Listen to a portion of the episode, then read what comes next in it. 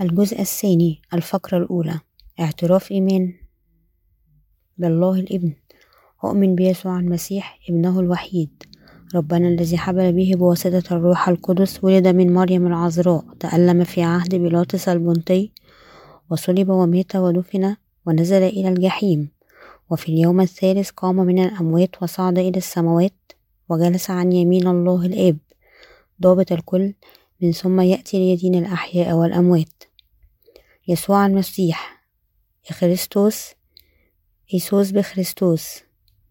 إن الاسم يسوع إيسوس باليونانية يأتي من الاسم العبري يهوشع الذي يعني يهوى وهو خلاص. المسيح هو يهوى في العبرية. في اليونانية إيسوس ويعني الشخص الممسوح. إن الاسم المسيح في العهد الجديد هو لقب المسيا بالعهد القديم وهو خريستوس. الذي يظهر كثيرا في الأربع أناجيل وهو كلمة المسيح مسبوقة بأداة التعريف ال ويخبرنا أن يسوع هو الله المطلق ذاته. الله الآب بكلمات أخرى. أرسل ابنه الوحيد ليخلص كل إنسان يحيا في هذا العالم من الخطايا. بأمانة تامة هذين الاسمين يسوع والمسيح ليس قابلين للتبادل في الحقيقة. إن الاسم يسوع اسم المنقذ الذي جاء كالشفيع للبشرية. كصانع السلام بين الله والبشر ولكن الاسم المسيح يعني الشخص الممسوح وهو ينشأ من تقاليد منطقة الشرق الأوسط القديمة من طقوس تمييز أولئك المختارين ليحملوا مسؤوليات المواقع العالية بواسطة مسحهم.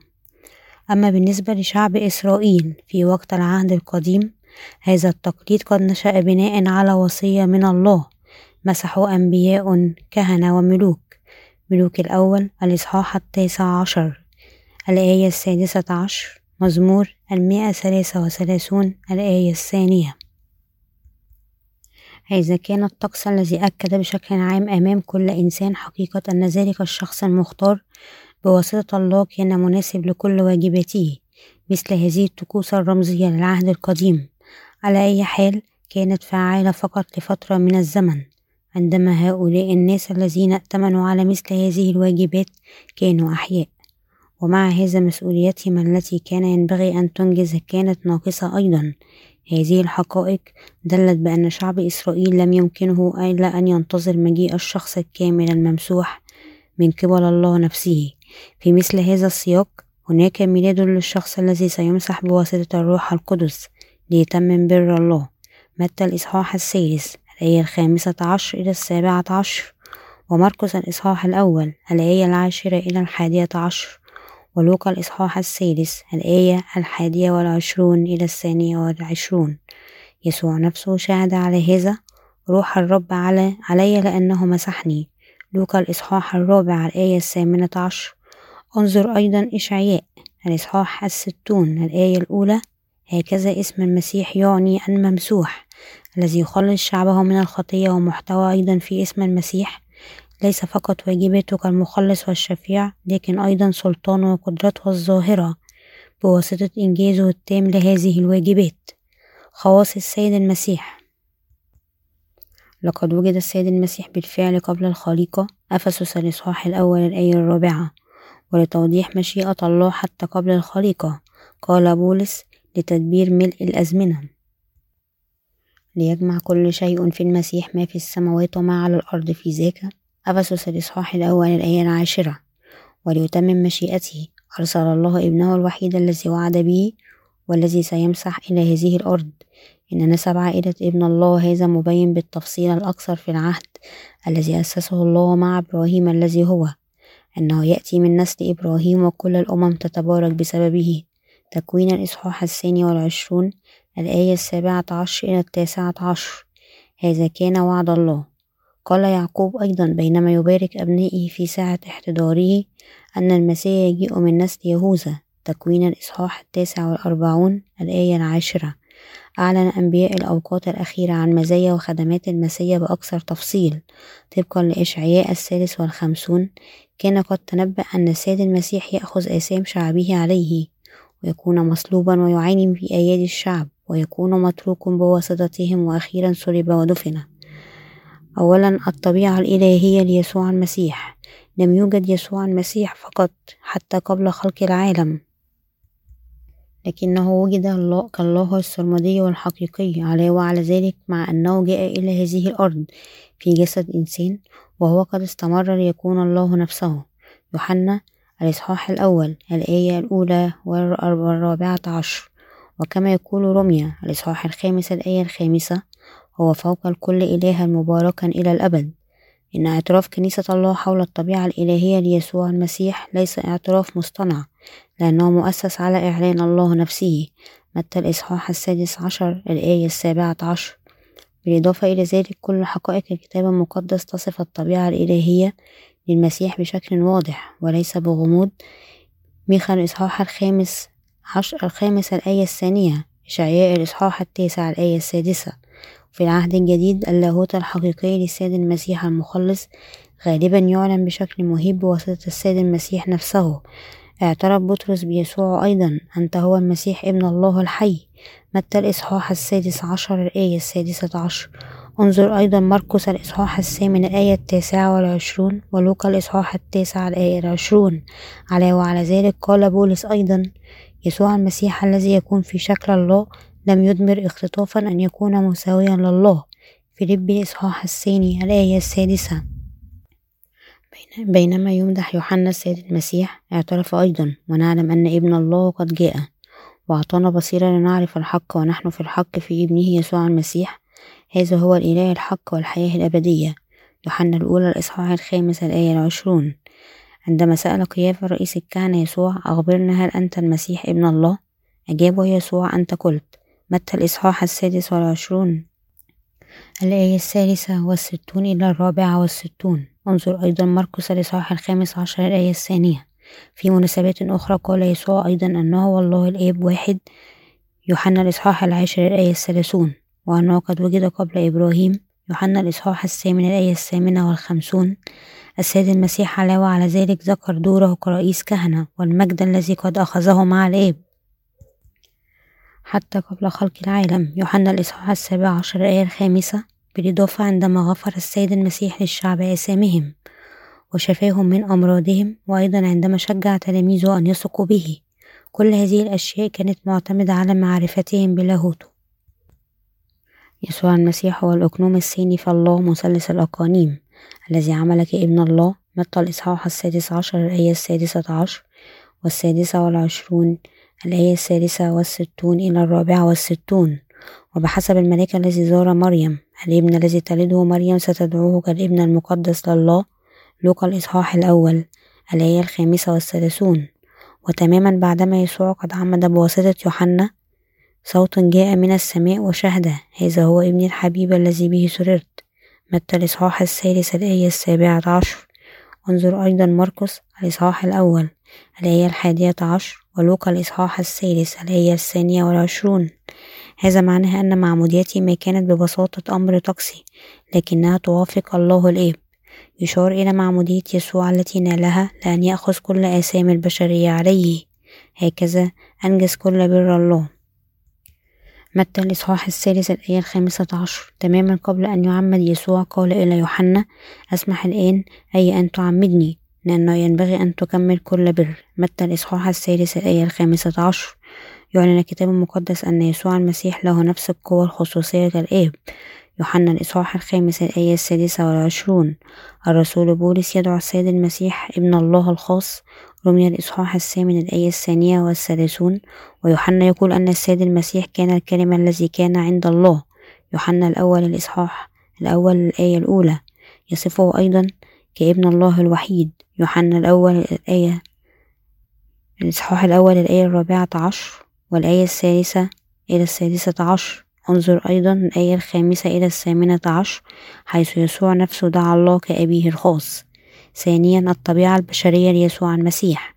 إن الطبيعة البشرية من المسيح تؤكد أيضا في العهد الجديد الابن السرمدي لله قد ولد في شبه بشر. فيليبي الإصحاح الثاني الآية السابعة إلى الثامنة. وقد دعي للإنسان يسوع المسيح. تيموساوس الأول الآية الإصحاح الثاني الآية الخامسة. ومع أنه كان الله نفسه إلا أنه تجسد وسكن بيننا يوحنا الإصحاح الأول الآية الرابعة عشر. ونتيجة لذلك هو عمد بواسطة يوحنا المعمدين وعاش بين الناس كإنسان وشارك في سعادتهم وبهجتهم وحزنهم وأكل نفس الطعام وأيضا الذين أكلوا. هو كان إنسان ليس فقط في مظهره ولكن في شخصه مثل الآخرين. هو كان أيضا سليل آدم. نسب العائلة في لوقا الإصحاح الثالث الآية الثامنة والثلاثون وهو كان مولود امرأة لوقا الإصحاح الثاني الآية السادسة إلى السابعة متى الإصحاح الأول الآية الثامنة عشر إلى الخامسة والعشرون وغلطيا الإصحاح الرابع الآية الرابعة. بين أسلافه كان إبراهيم وداود متى الإصحاح الأول الآية الأولى. وبالرغم من أن يسوع نفسه ليس عنده خطية إلا أنه جاء إلى هذه الأرض في جسد إنسان مضاعف بالخطية. وبكلمات أخرى السيد المسيح جاء في شبه جسد الخطية. بواسطة معموديته بواسطة يوحنا. أتم كل بر. يوحنا الإصحاح التاسع عشر الآية الثلاثون وبرغم أنه حمل على كتفه أثامنا بمعموديته وتألم هو لم يعتد به من الآخرون. إشعياء الإصحاح الثالث والخمسون الآية الثانية إلى الثالثة. وعلى أي حال ولو أن المسيح كان له نفس طبيعتنا البشرية إلا أنه ما استلم إلى إغراء الخطية. طبقا لكاتب رسالة العبرانيين السيد المسيح كان قد جرب في كل شيء ما خلا الخطية. عبرانيين الإصحاح الرابع الآية الخامسة عشر. حمل يسوع الخطية فقط لأنه أخذ أسامي العالم عليه بواسطة معموديته بواسطة يوحنا. ولهذا هو صلب لأجل المذنبين إشارة للسيد المسيح تقول عبرانيين الإصحاح السابع الآية السادسة والعشرون لأنه كان يليق بنا رئيس كهنة مثل هذا قدوس بلا شر ولا دنس وانفصل عن الخطاة واجبات السيد المسيح الثلاثة كان هناك ثلاثة أنواع من الأشخاص التي دهنت بواسطة الزيت في العهد القديم الأنبياء والكهنة والملوك. ملوك الأول الإصحاح التاسع عشر الآية السادسة عشر وخروج الإصحاح الأربعون الآية الثالثة عشر إلى الخامسة عشر وملوك الثاني الإصحاح التاسع الآية الثالثة. السيد المسيح هو النبي والمعلم الممسوح بالرب بالروح القدس وهو رئيس الكهنة السماوي إن مفاهيم الأدوار العديدة للسيد المسيح هي أمر مقبول كتابيا. سفر التثنية الإصحاح الثامن عشر الآية الخامسة عشر يقول يقيم لك الرب إلهك نبيا انظر أيضا الآية الثامنة عشر في المزمور المئة والعشر. دعا يهوى السيد المسيح بقوله أنت هو الكاهن إلى الأبد. زكريا الإصحاح السادس. الآية الثانية عشر إلى الثالثة عشر. وأعلن لنا ملوكية السيد المسيح بواسطة قوله الرجل الذي اسمه الفرع. يحمل المجد ويجلس ويحكم على عرشه. هذه الثلاثة واجبات للسيد المسيح. كانت كلها منجزة عندما جاء المسيح إلى هذه الأرض حاملا على كتفه أسامي العالم بواسطة معموديته وبواسطة يوحنا. صلب وسفك دمه على الصليب وقام ثانيا من الأموات. نبي مثل أنبياء العهد القديم السيد المسيح أنجز دوره النبوي بواسطة كشف إرادة الله وتطبيق كلمة الله لشعبه. ولكن السيد المسيح ما كان نبي أو رسول بشكل مجرد هو كان النبي الأعظم للبشرية. كلمته كانت الكلمة الكاملة والتامة لله التي لا يمكن للنبي أن يضيف أبدا إليها أو يحذف منها. هذا لأن كنوز الحكمة والمعرفة مخفية فيه. كلوسي الإصحاح الثاني الآية الثالثة. إنه أيضا لأنه الابن الوحيد الذي في حضن الآب. يوحنا الإصحاح الأول الآية الثامنة عشر. إن رسالة السيد المسيح جعلت كافية عندما هو قد أكمل رسالته ويتمم كل بر الله. يسوع عمد بواسطة يوحنا وسفك دمه على الصليب ويدعو كل إنسان خاطئ لينال غفران الخطايا ببره. الذي هو أكمل لذا مثل هذه المعرفة الصادقة بالله وتعليم الخلاص لا يمكن أن تتم بدون الإيمان بمعمودية المسيح ودم الصليب. أولئك الذين لا يؤمنون قد دينوا بالفعل لأنهم لم يؤمنوا باسم ابن الله. وهكذا يبقون أشرار. يوحنا الإصحاح الثالث الآية الثامنة عشر. رئيس الكهنة في المزمور المئة والعشر متكلما لمسيح قال الله أنت هو كاهن إلى الأبد على طقس ملك صادق. هذا يعني أن السيد المسيح رئيس الكهنة ليس على طقس هارون. لكنه رئيس كهنة بحسب دعوة وتعيين يهوى له إن كهنة العهد القديم الذين قد خدموا في الخيمة أو الهيكل كانوا ظلال للسيد المسيح العتيد أن يأتي. ينبؤون بأن السيد المسيح سيكون رئيس الكهنة الكامل والأبدي وهو عمل كرئيس الكهنة الكامل لأن المسيح لم يدخل إلى أقداس مصنوعة بيد أشباه الحقيقة بل إلى السماء وعينها ليظهر الآن أمام وجه الله لأجلنا. عبرانيين الإصحاح التاسع الآية الرابعة والعشرون. هناك ثلاثة أبعاد في خدمة السيد المسيح كرئيس الكهنة. أولا هو قدم نفسه كالتضحية لآثامنا إلى الأبد. السيد المسيح يسوع بكلمات أخرى. قد فدى كل البشرية من الدمار بمعموديته وإراقة دمائه وهو أكمل بر الله بأن نال الفداء السرمدي لنا. إن تضحية السيد المسيح للتكفير كانت قد تنبأت وعرفت لآلاف السنوات خلال النظام القرباني تحت الطقوس القربانية القديمة. وضع الأيدي بالأخص هذا قد كشف نموذجيا خلال وضع الأيدي على رأس عمل عيد الفصح وإراقة دمائه. بالمقارنة مع التقدمات الذبائحية لهارون وللكهنة الآخرين. في العهد القديم التي كانت رمز وتكرار السيد المسيح جاء إلى هذه الأرض مرة واحدة بواسطة أنه أخذ أسامي العالم خلال معموديته التي استلمها من يوحنا. وموته على الصليب أنجز كل بر. الله بشكل نهائي عمد وقدم التقديمات الذبائحية الكاملة على الصليب وهو حمل الله الذي حمل على كتفه أسامي العالم بمعموديته وحملها إلى الصليب. متى الإصحاح الثالث الآية الثالثة عشر إلى السابعة عشر. يكشف السيد المسيح لنا أنه هو نفسه ضحى به كحمل فصحنا الخاص بواسطة أن يضحي بنفسه لأجل أسامي البشرية. ودفع ثمن الفداء لله لأجل شعبه. وتذكر عبرانيين الإصحاح التاسع الآية الثامنة والعشرون. هكذا المسيح أيضا بعدما قدم مرة لكي يحمل خطايا كثيرة سيظهر ثانية بلا خطية للخلاص الذي ينتظرونه. وهو ما دخل بواسطة دم التيوس والعجول ودخل قدس الأقداس مرة واحدة بدم نفسه بعدما حصل فداء سرمديا عبرانيين الإصحاح التاسع الآية الثانية عشر. هذا قد أنجز بواسطة تقبل معموديته والصليب وهو مثل رئيس الكهنة في العهد القديم الذي في يوم الكفارة دخل قدس الأقداس بدم الذبيحة. وعلى نفس النمط بواسطة معموديته في جسمه السيد المسيح قبل أسامي العالم التي عبرت إليه. قبل كل شيء لأجل خلاص شعبه من آثامهم السيد المسيح كان قادر أن ينجز أعماله بضمن ذلك معموديته بواسطة يوحنا وسفك دمه على الصليب. بطاعته الإرادية أي بواسطة معموديته حمل المسيح آثام شعبه. وبطاعته الفاعلة بواسطة حمله آثام العالم للصليب. وصلب ليتمم بر الله تماما. إنه عندما نثق بهذا إننا نستحق الخلاص. بواسطة مجيئه للأرض وتقديم جسده كذبيحة لكل البشرية. السيد المسيح أنجز كل الأعمال المستقيمة لله بواسطة عمل هذا وخلص شعبه الذي بسبب فساد آدم كانوا قد أصبحوا مذنبين. إنه بواسطة هذا العمل أن السيد المسيح أنجز خطة الله المستقيمة تماما بواسطة تقديم معموديته ودمه إلى شعبه مكنهم أن يستلموا بر الله. المظهر الثاني لخدمة كهنوت المسيح هي الصلاة.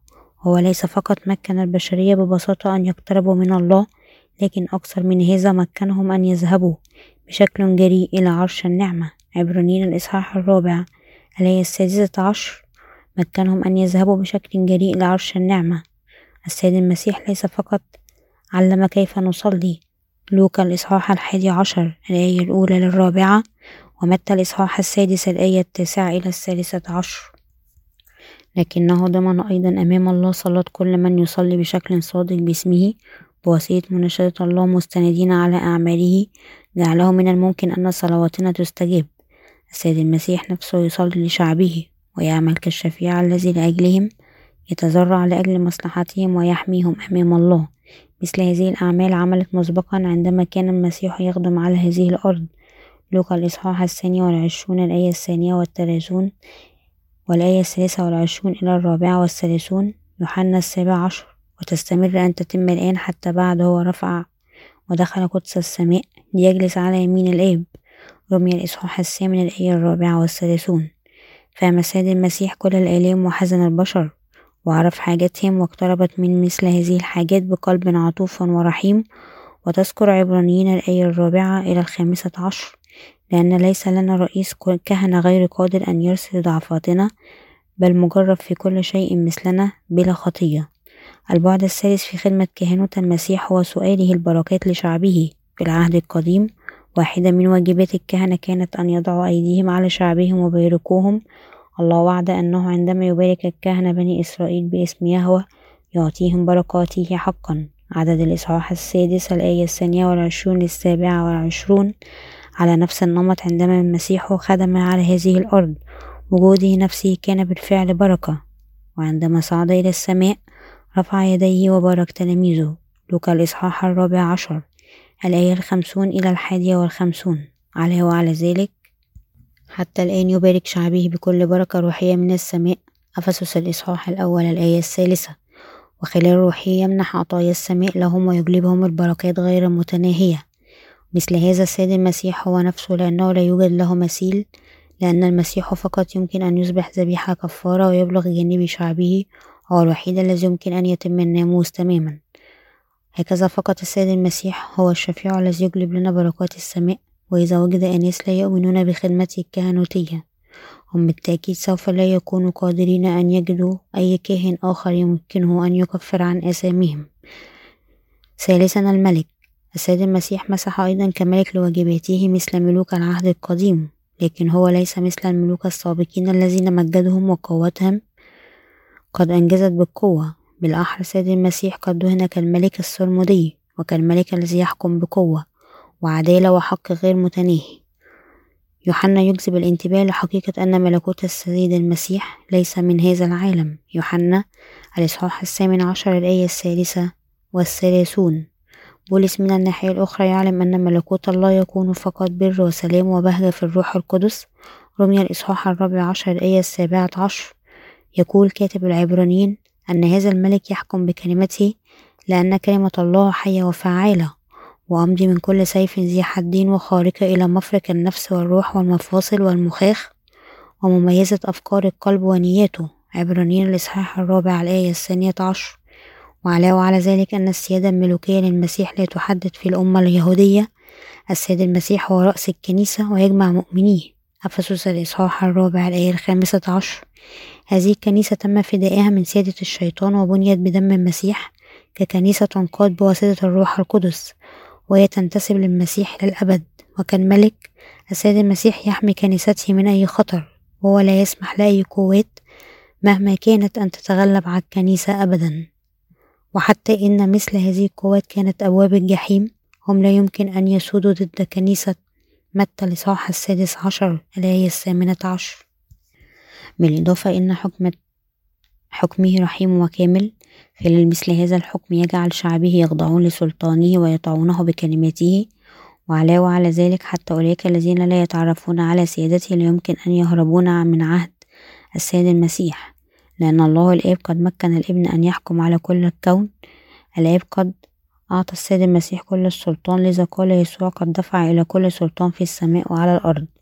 متى الإصحاح الثامن والعشرون الآية الثامنة عشر؟ بولس يكتب أن السيد المسيح المنتصر جرد الملائكة الأشرار من سلطانهم. كلوسي الإصحاح الثاني الآية الخامسة عشر.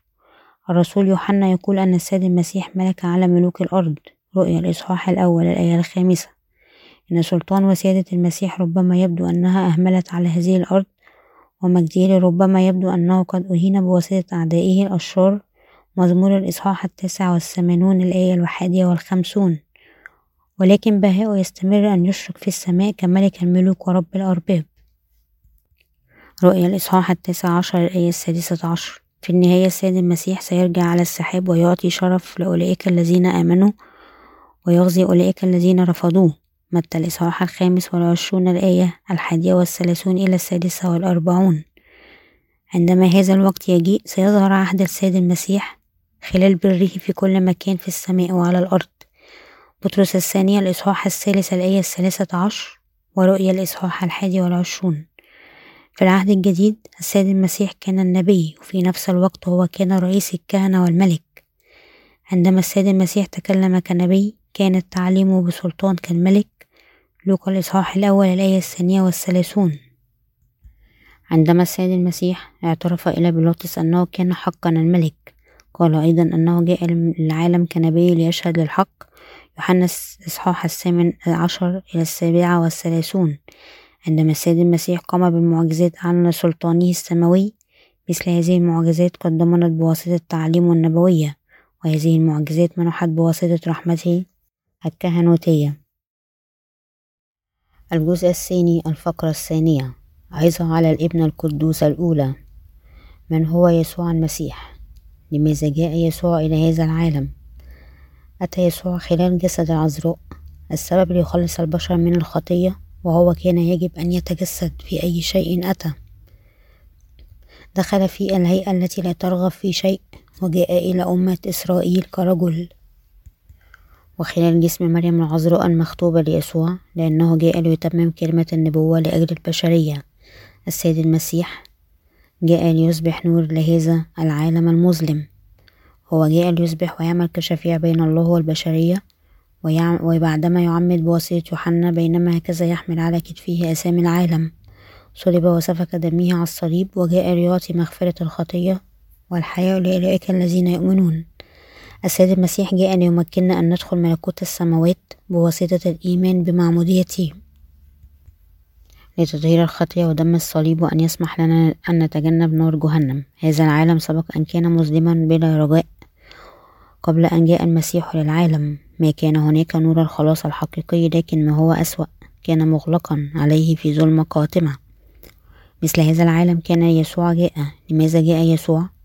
هو جاء ليشرك بنور الخلاص إلى هذا العالم. في الحقيقة يسوع لم يولد في شهر ديسمبر بالأحرى هو ولد في فصول السنة التي فيه حقول إسرائيل ملأت بالعشب الأخضر. عندما ترك الرعاة غنمهم في حقل العراء خارجي وتركوهم يرعون هناك. لوكا الإصحاح الثاني الآية الثامنة. هذا يؤكد حقيقة أن عيد ميلادي الحقيقي لم يكن خمسة وعشرون ديسمبر. لماذا إذا نحتفل بعيد الميلاد في هذا اليوم البارد خمسة وعشرون ديسمبر؟ هذا كان لأن من وسط القرن الرابع بعد الميلاد وضعت الكنيسة الغربية يوم خمسة وعشرون كعيد ميلاد يسوع لتمنع انتشار العبادة الوثنية لإله الشمس. ولكن هذا اليوم كان في الحقيقة يوم عبادة إله الشمس كانت تهدف لأن تمنع الناس من الاشتراك في هذا الاحتفال الوثني وأن تمنع غش الإيمان المسيحي نفس يوم العيد الوثني واستخدم كعيد ميلاد يسوع كنوع قريب لاستراتيجية مقاتلة النار بالنار. نحن لسنا متأكدين متى يكون عيد ميلاد يسوع لكن نحن نعرف أن ابن الله جاء ليخلص البشرية. ونحن إذا وضعنا يوم من السنة لنحتفل بمجيئه بغض النظر عن سواء كان خمسة وعشرون كان يوم احتفال وثني حقيقة أم لا. ولأن العالم كان يحتفل اليوم بيوم ميلاد يسوع نحن وضعنا اليوم ونتذكره ونشكره ونمدحه. عندما جاء يسوع للأرض كل شعوب هذا العالم كانت مخدوعة بواسطة الشيطان قلوبهم أغرقت بواسطة أساميهم وهم حقا ما عرفوا طريق نوال الحياة الأبدية. لهذا الله الآب أرسل ابنه ليخلص أناس العالم من أسامهم إن اسم يسوع اسم المنقذ هو يعني أنه سيخلص شعبه من أسامهم يسوع جاء للعالم بواسطة حمل أسامي العالم بمعموديته. وودينا على الصليب وخلصنا من الآثام. هل كان يسوع ابن الله؟ هو, هو الله. نعم يسوع كان هو الله في جوهره. يسوع هو ذاته الواحد الذي خلق الكون الكامل بكلمة فمه. هذا العالم في الحقيقة خلق بواسطة الله. يوحنا الإصحاح الأول الآية الثالثة وقال كل شيء به كان وبغيره لم يكن شيء مما كان. يسوع هو الله نفسه الذي جاء ليخلص المذنبين. خلق يسوع هذا العالم والكون الكامل في البداية عندما يسوع قال ليكن نور. إذا هناك كان نور عندما قال ليكن هناك الشمس جاءت الشمس في الوجود بواسطة أمر يسوع. ليكن هناك أن كل الأعشاب والأشجار والبحر والسماء والبشرية نفسها جاءت في الوجود. يسوع هو الله الذي خلق كل الأشياء. تكوين الإصحاح الأول الآية الثالثة إلى الخامسة عشر. هو كان بشكل أساسي الله الخالق. كل الأشياء كانت به وبغيره لم يكن شيء مما كان. لماذا إذا هو جاء للأرض؟ وتجسد في جسد إنسان. هو جاء ليخلص مذنبين هذا العالم من أسامهم. يوحنا الإصحاح الأول الآية التاسعة إلى الثانية عشر تقول كان النور الحقيقي الذي ينير كل إنسان آتيا إلى العالم كان في العالم وكون العالم به ولم يعرفه العالم. إلى خاصته جاء وخاصته لم تقبله. وأما كل الذين قبلوا أعطاهم سلطانا أن يصيروا أولاد الله أي المؤمنين باسمه. ابن الله جاء ليمحو كل الآثام التي ورثناها من آدم أب البشرية ويرفع الظلم من هذا العالم. اسمه هو يسوع المسيح والسيد المسيح هو ابن الله الآب. لماذا لم يقبل الناس يسوع في قلوبهم؟ لأنه خلص المذنبين من أسامهم بواسطة مجيئه كإنسان متواضع لأن الناس لم يتخلوا عن إيمانهم الخاص وأفكارهم الخاصة لأنهم لم يدركون أنهم كانوا خلقوا بواسطة الله لأنهم ما عرفوا بأنه محتوم لهم جهنم لأنهم كانوا مذنبين منذ ولادتهم. لأن الناس لم يعرفوا أن يسوع هو المخلص لأنهم كانوا جاهلين بالحقيقة ولم يتعرفوا على المخلص الذي هو الله نفسه لأنهم لم يستجيبوا لبشارة الماء والروح. لأنهم ما عرفوا يسوع الذي هو الطريق والحق. يسوع كان مولود في بيت لحم مدينة ريفية صغيرة في إسرائيل. لماذا ولد يسوع في هذا العالم؟ هو جاء إلينا ليخلص أولئك الذين المزدرى بهم في هذا العالم والذين هم يعيشون حياة متواضعة حقا في هذا العالم. يسوع جاء ليخلص أولئك الذين تعذبوا بواسطة أساميهم ويريدون أن يدخلوا ملكوت السماوات والذين يريدون أن يكتسوا بنعمة الله لهذا ولد في مزود. وعلى أي حال عندما جاء يسوع للعالم في شبه البشر شعب إسرائيل لم يتعرفوا عليه كالله والمسيا وهم لم يدركون أنه كان ابن الله. الله الخالق بذاته الذي خلق الكون وكل شيء لهذا لم يقبله شعب إسرائيل. هذا أمر حقيقي حتى الآن.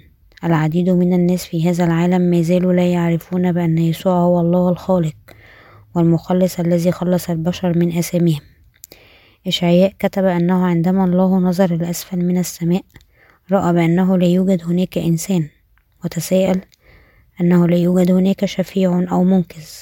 إشعياء الإصحاح الخامس تسعة والخمسون الآية السادسة عشر. الله نفسه كان يجب أن يجيء بالخلاص وهو نفسه كان يجب أن يأتي إلى الأرض. يعني أنه هدم الجدار الذي أقيم في علاقتنا مع الله الآب كنتيجة لآثامنا. فصلنا عنه وأخذ كل آثام البشرية عليه بمعموديته وتحمل الإدانة عن آثام البشرية. هذه بالصليب ودمه المسفوك. وبغض النظر عن أن البشر ليس فيهم صلاح بغض النظر عن عدم كمالهم وضعفهم. وبغض النظر عن العديد من الآثام التي ارتكبوها إذ هم أدركوا أن يسوع أتم كل بر بواسطة أخذه أساميهم بمعموديته وسفك دمه على الصليب. وهكذا هناك فقط منقذ حقيقي واحد في هذا العالم هو يسوع. يعني يخلص شعبه من أساميهم متى الإصحاح الأول الآية الحادية والعشرون. وبأي عمل يمكن أن ندخل السماء هل يمكن أن ندخل السماء بواسطة عمل الأعمال الصالحة؟ لا وبكوننا مولودين في العالم هل يمكن نعيش بلا خطية؟ لا إنه مستحيل أننا نخطئ أبدا نحن لا يمكن إلا أن نخطئ في نهاية حياتنا حتى لحظة موتنا هل يدخل الناس السماء عندما تكون خطيتهم صغيرة مثل المليم؟ لا هل يوجد أي واحد في هذا العالم إذا الذي يمكنه أن يدخل السماء بواسطة قوته الخاصة؟ لا بواسطة من يمكن أن ندخل السماء. إذا نحن يمكن أن ندخل بواسطة الإيمان ببشارة الماء والروح المعطي لنا بواسطة السيد المسيح يسوع. لأنه يخلص شعبه من أساميهم. متى الإصحاح الأول؟ الآية الحادية والعشرون. الله خلقنا وعندما سقطنا في الخطية أصبح إنسان. وجاء للأرض ليجعل آثامنا تختفي. الواحد الذي جاء هكذا إلى هذه الأرض. وقد عمد ومات على الصليب. ليس أحد سوى يسوع. عندما نثق بيسوع كيف يمكن أن نقبله حقا؟ يوحنا الإصحاح الأول الآية الثانية عشر قال وأما كل الذين قبلوه أعطاهم سلطانا أن يصيروا أولاد الله أي المؤمنين باسمه. بالنسبة لأولئك الذين يؤمنون أن يسوع أصبح مخلصهم رفع كل أساميهم وأعطاهم الحق أن يصبحوا أبناء الله قبلت بشارة الماء والروح. ما هو قبول الحق؟ يمكن الواحد أن يقبل الحق عندما يعرف حقيقة الماء والروح. عندما أحد يقرأ على الباب نفتح الباب فقط قليلا ونسأله من أنت؟ وإذا كنا نعرفه نفتح الباب بالكامل ونطلب منه أن يدخل. هذا هو القبول. وبالرغم أننا لم نقابل يسوع في الحقيقة وجها لوجه نحن ما زلنا نؤمن أنه هو الذي قبل أسامينا بواسطة معموديته في نهر الأردن. أشكر الله لهذه الحقيقة. أن لن أكون قادر أن أزيد فترة ضمان قرضي لكن أنا يمكنني أن أضمن بالتأكيد كلمة أننا ندخل ملكوت الله إذ نحن فقط أمنا ببشارة الماء والروح. الإيمان الذي ينال بركات السماء هو الإيمان ببشارة الماء والروح المعطي لنا بواسطة الله وهذا يعني أن تؤمن ليس فقط أن يسوع حمل آثامك بمعموديته لكن أنه جاء للأرض وأخذ بشكل نهائي كل خطية أنت ارتكبتها لنهاية حياتك. آمن الإيمان هو كلمة جميلة أقبل قبلت حقيقة أن يسوع هو مخلصي في قلبي. أنا لست أفضل من أي شخص آخر لحد الآن مع هذا. السبب أنني أتكلم بثقة وفي بعض الأوقات أكون فخورا هو بسبب إيماني ببشارة الماء والروح. وبالتأكيد أنا أتمنى أنكم جميعا تعرفون وتؤمنون ببشارة الماء والروح وأنه فقط نعرف حقيقة الماء والروح ونؤمن بها. يمكننا أن نولد أخيرا مرة ثانية. هل تعرف وثيقة وتثق بحقيقة أن يسوع أخذ أسامك عندما عمد في نهر الأردن؟ قبل يسوع الإدانة لكل الأسام التي أنت ارتكبتها خلال العمر وعوقب بشكل مفوض على الصليب في مكانك.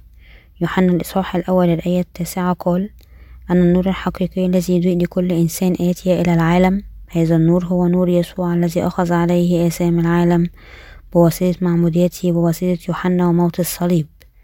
كل ما ينبغي أن نفعل هو أن نقبل فقط هذا النور الذي أشرق بواسطة ربنا ونحن يجب أن نقبل في قلوبنا حقيقة أن يسوع جاء مخلصنا. نحن الخطاة يجب أن نؤمن أن يسوع حمل خطايانا بواسطة معموديته في نهر الأردن ونعتقد أنه أنجز كل بر الله. نحن يمكن أيضا أن نخلص من أثامنا في جسدنا نعجزون أن نثق بيسوع ولكن في قلوبنا يمكن أن نعرف بر الله ونثق به ونقبله. نحن كنا في الظلمة. السوداء القاتمة وأن هذه الظلمة أزيلت بواسطة النور الحقيقي الساطع في قلوبنا. يعني إزالة أسامنا من قلوبنا بواسطة إيماننا في كلمة الحق. هذا النور الحقيقي هو كلمة الله الحق التي خلالها نحن ولدنا ثانيا من الماء والروح. إنه مكتوب على البشر أن يولدوا مرة واحدة ويموتوا مرة واحدة. الكتاب المقدس يخبرنا أن عمرنا حوالي سبعون سنة أو ثمانون نحن أقوياء. مزمور الإصحاح تسعون الآية العاشرة. كل إنسان يتعرض لتجارب الحياة وفي نهايته يجب أن يقف أمام الرب. كما هو أمر مثير للشفقة إذ نحن نموت بدون معرفة حقيقة الماء والروح حتى إذا عشنا أكثر من ثمانون سنة كلنا يجب أن نموت في وقت معين لكن نحن لا نفنى من الوجود بواسطة ببساطة بعد موتنا. الدينونة تتبع موتنا سواء يرحب بنا في السماء أو نلقى في جهنم. بعض الناس يقولون أنا لست من النوعية التي يمكن أن تثق بيسوع. لماذا؟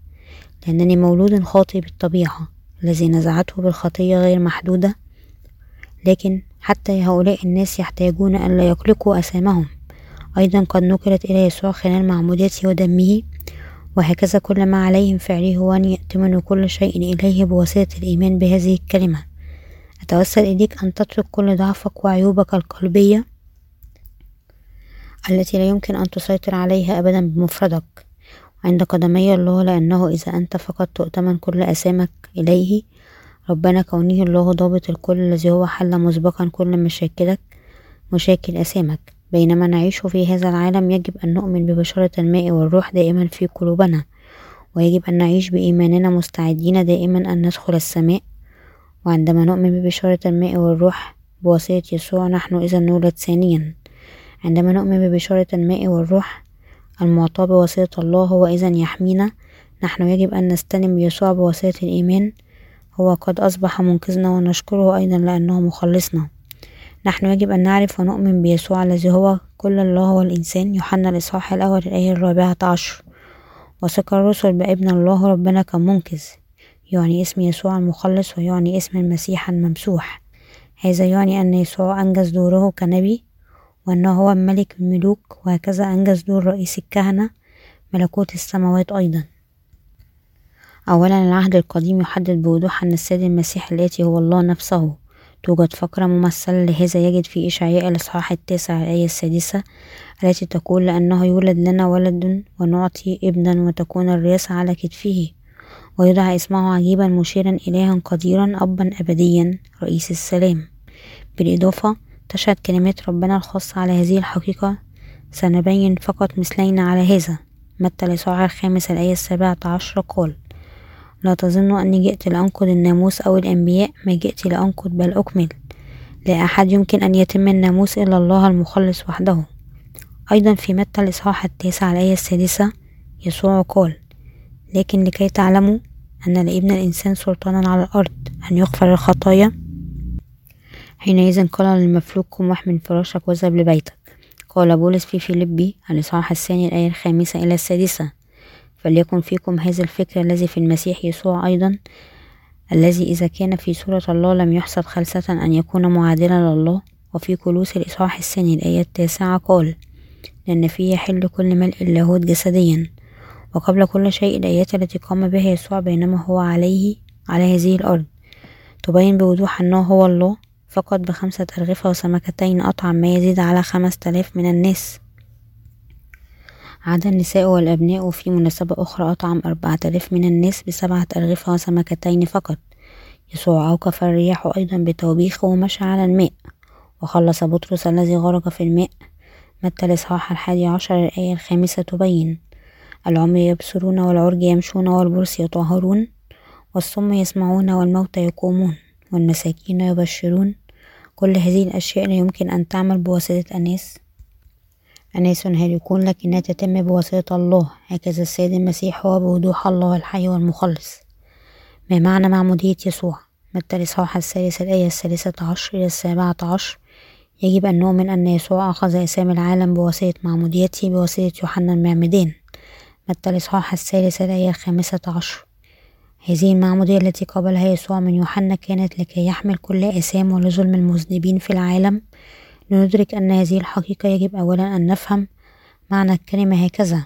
هذه الكلمة هكذا وهي تعني أكثر ملائمة. ليس هناك طريق آخر سوى هذه. بكلمات أخرى عندما جاء يسوع للأرض هو كان لازما عليه أن يعمد ليقبل أسام المذنبين إليه. إذ نحن لا نؤمن بهذا. أسامنا لا يمكن أن ترفع هناك بعض الناس الذين أساءوا فهم معمودية يسوع واعتقدوا بشكل مخطئ أنه عمد ليبين لنا اتضاعه ولكن هذه ليست الحالة إن كلمة معمودية على يد يوحنا تشهد بوضوح لحقيقة أنه هكذا عمد ليأخذ عليه آثام العالم نحن لا يمكن أن نخبي كلمة حقيقة معمودية يسوع لماذا؟ لأن ما نريده الشيطان من الخطاة هو أن يجعلهم عاجزين أن يعرفوا كلمة معمودية يسوع المظهر الأكثر أهمية لمغفرة خطية البشرية وأن يعطلهم من أن يؤمنوا بها. معمودية يسوع ودم الصليب. إن المعمودية التي قابلها يسوع من يوحنا هي عمل الخلاص الذي خلاله أخذ أسامي البشرية عليه يوحنا الأولى الإصحاح الخامس الآية الرابعة إلى السادسة.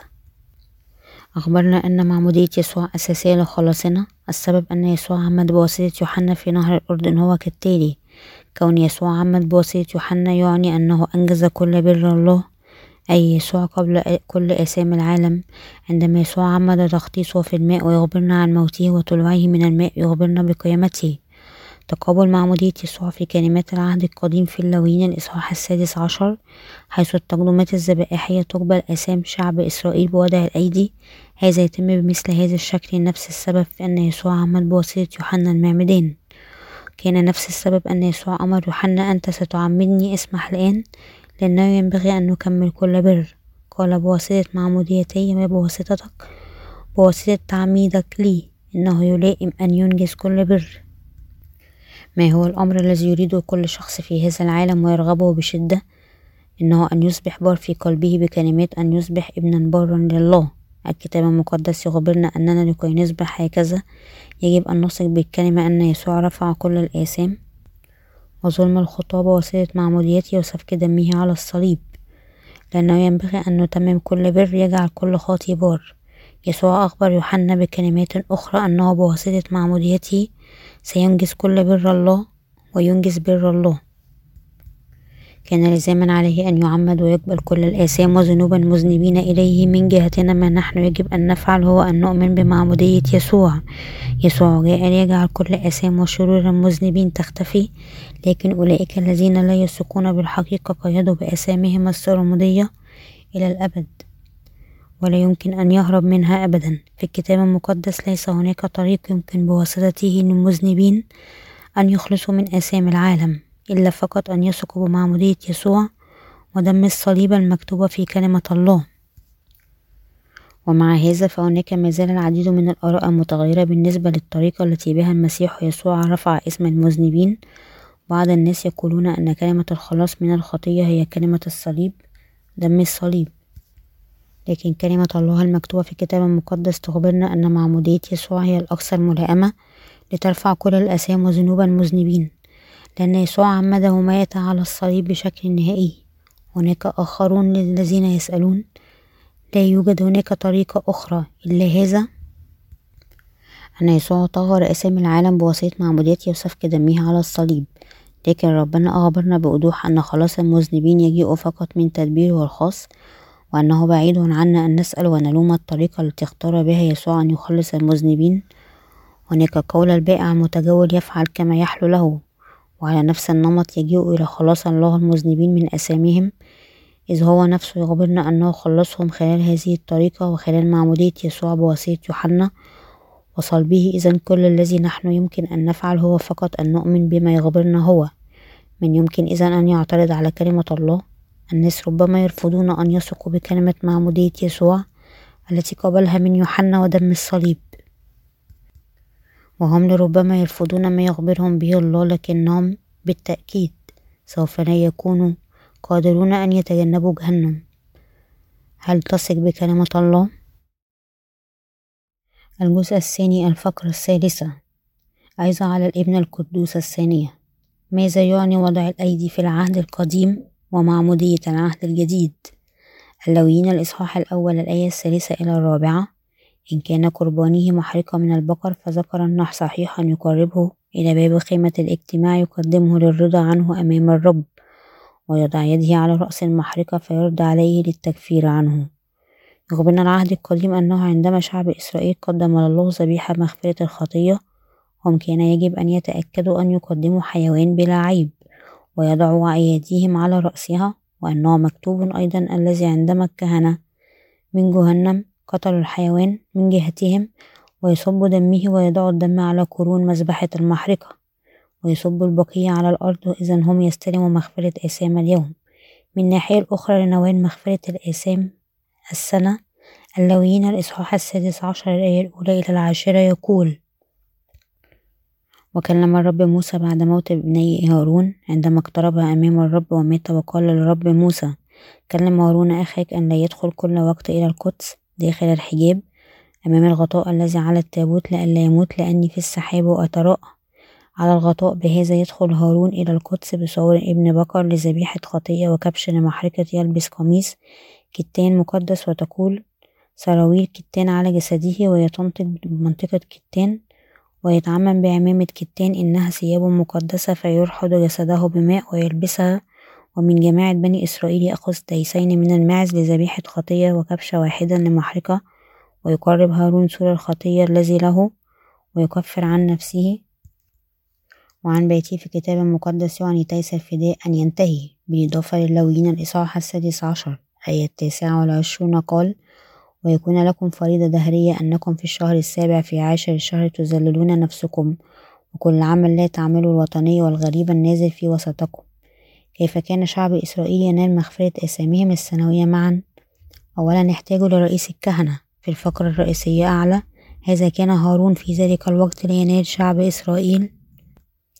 مغفرة الخطايا السنة كان يجب أن يكون لهم رئيس كهنة. إذا كان ممثل كهنة شعب إسرائيل كان هارون. الله جعل هارون ونسله كرئيس الكهنة. هارون جلب ثور في فناء الخيمة ونقل آثامه بواسطة أولا أن وضع يديه على رأسه ليجعله تكفير له لبيته وقطع ذبحه وسفك دمه. وأخذ بعض من دم السور ورشه بأصبعه على كرسي الرحمة على الجانب الشرقي وأمام عرش الرحمة سيرش بعض من الدم بأصبعه سبع مرات. هكذا هارون وبيته نالوا مغفرة الخطية. معنى التكفير هو عبور أسامي الإنسان الحيوان القرباني بواسطة وضع الأيدي على رأسه. إن الموت المفوض لهذا الحيوان القرباني هو التكفير. الأشرار يجب أن يموتوا بسبب أساميهم لكن عندما يعبرون أسامهم للذبيحة بواسطة وضع أيديهم على رأسها هذا الحيوان يموت بدلا منهم.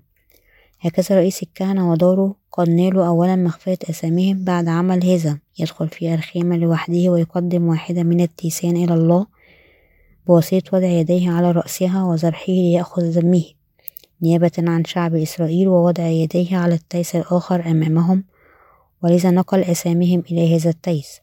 يضع يديه على رأس التيس ويصلي رئيس الكهنة. أيها الرب إن شعب إسرائيل كسر ناموسك من أول وصية إلى آخر وصية من وصاياك العشر. وكل الستمائة وثلاثة عشر وصايا الناموس يا رب. كل هذه الأسباط أصبحوا مذنبين أمامك. أنا إذا أنقل آثامك إلى التيس بواسطة وضع يدي على رأسه ويسبح التيس ويسكب دمه ويأخذ هذا الدم لقدس الأقداس. حيث يسمح له أن يدخل هذه مرة واحدة كل سنة ويرش الدم على كرسي الرحمة على الجانب الشرقي الذي يغطي تابوت العهد وأمام كرسي يرش الدم سبعة مرات ثانيا. تابوت العهد قد وضع داخل قدس الأقداس وإن غطاء هذا التابوت قد سمي كرسي الرحمة. عندما يرفع هذا الغطاء يمكن للواحد أن يرى لوحي الشريعة الوصايا العشر.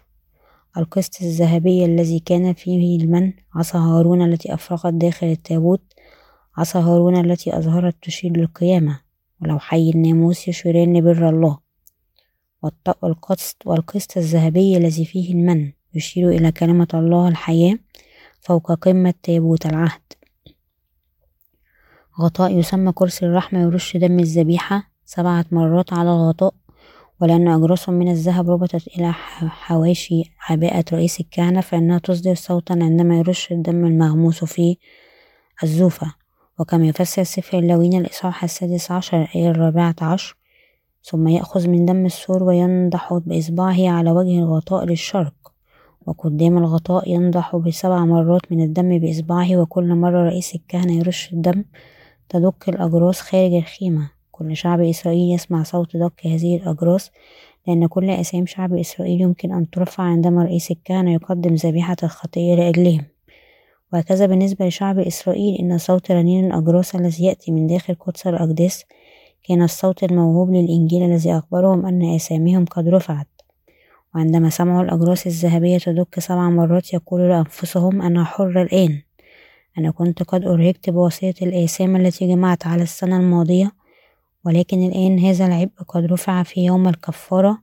هذا يفوز شعب إسرائيل بالحرية من الآثام وبعد ذلك يرجعون إلى حياتهم اليومية في بهجة. الآن في الحاضر صوت الأجراس هذه هو لا شيء إلا صوت البركات التي يمكننا أن نولد ثانيا من الماء والروح. الإنجيل عنده قوة الديناميت التي يمكن أن تفجر الآثام بشكل نهائي. نحن نخلص بواسطة أن نسمع بآذاننا ونثق بقلوبنا. ونعترف بأفواهنا بإيماننا في كلمة الله. بشرة الماء إنجيل مغفرة الخطية يمكننا أن نولد ثانيا من الماء والروح. اللوين الإصحاح السادس عشر آية الحادية والعشرون إلى الثانية والعشرون يقول ويضع هارون يديه على رأس التيس الحي ويقر عليه بكل ذنوب بني إسرائيل وكل سيئاتهم مع خطاياهم. ويجعلها رأس التيس ويرسله بيد من يلاقيه. إلى البرية ليحمل التيس عليه كل ذنوبهم لأرض مغفرة فيطلق التيس في البرية. إن التقدمة هذه تقبل كل أسام شعب إسرائيل المنقولة إليها. بواسطة وضع الأيدي وتحمل هذه الآثام على نفسها وتمشي في البرية حتى موتها النهائي. هذه كانت مغفرة الخطية في العهد القديم. إنه مكتوب في أرميا الإصحاح السابع عشر الآية الأولى أن أسام كل شخص تكتب في مكانين أمام الله. الواحد كتاب الله للدينونة والآخر قلوب الناس. وهكذا لننال مغفرة خطايانا بواسطة الله.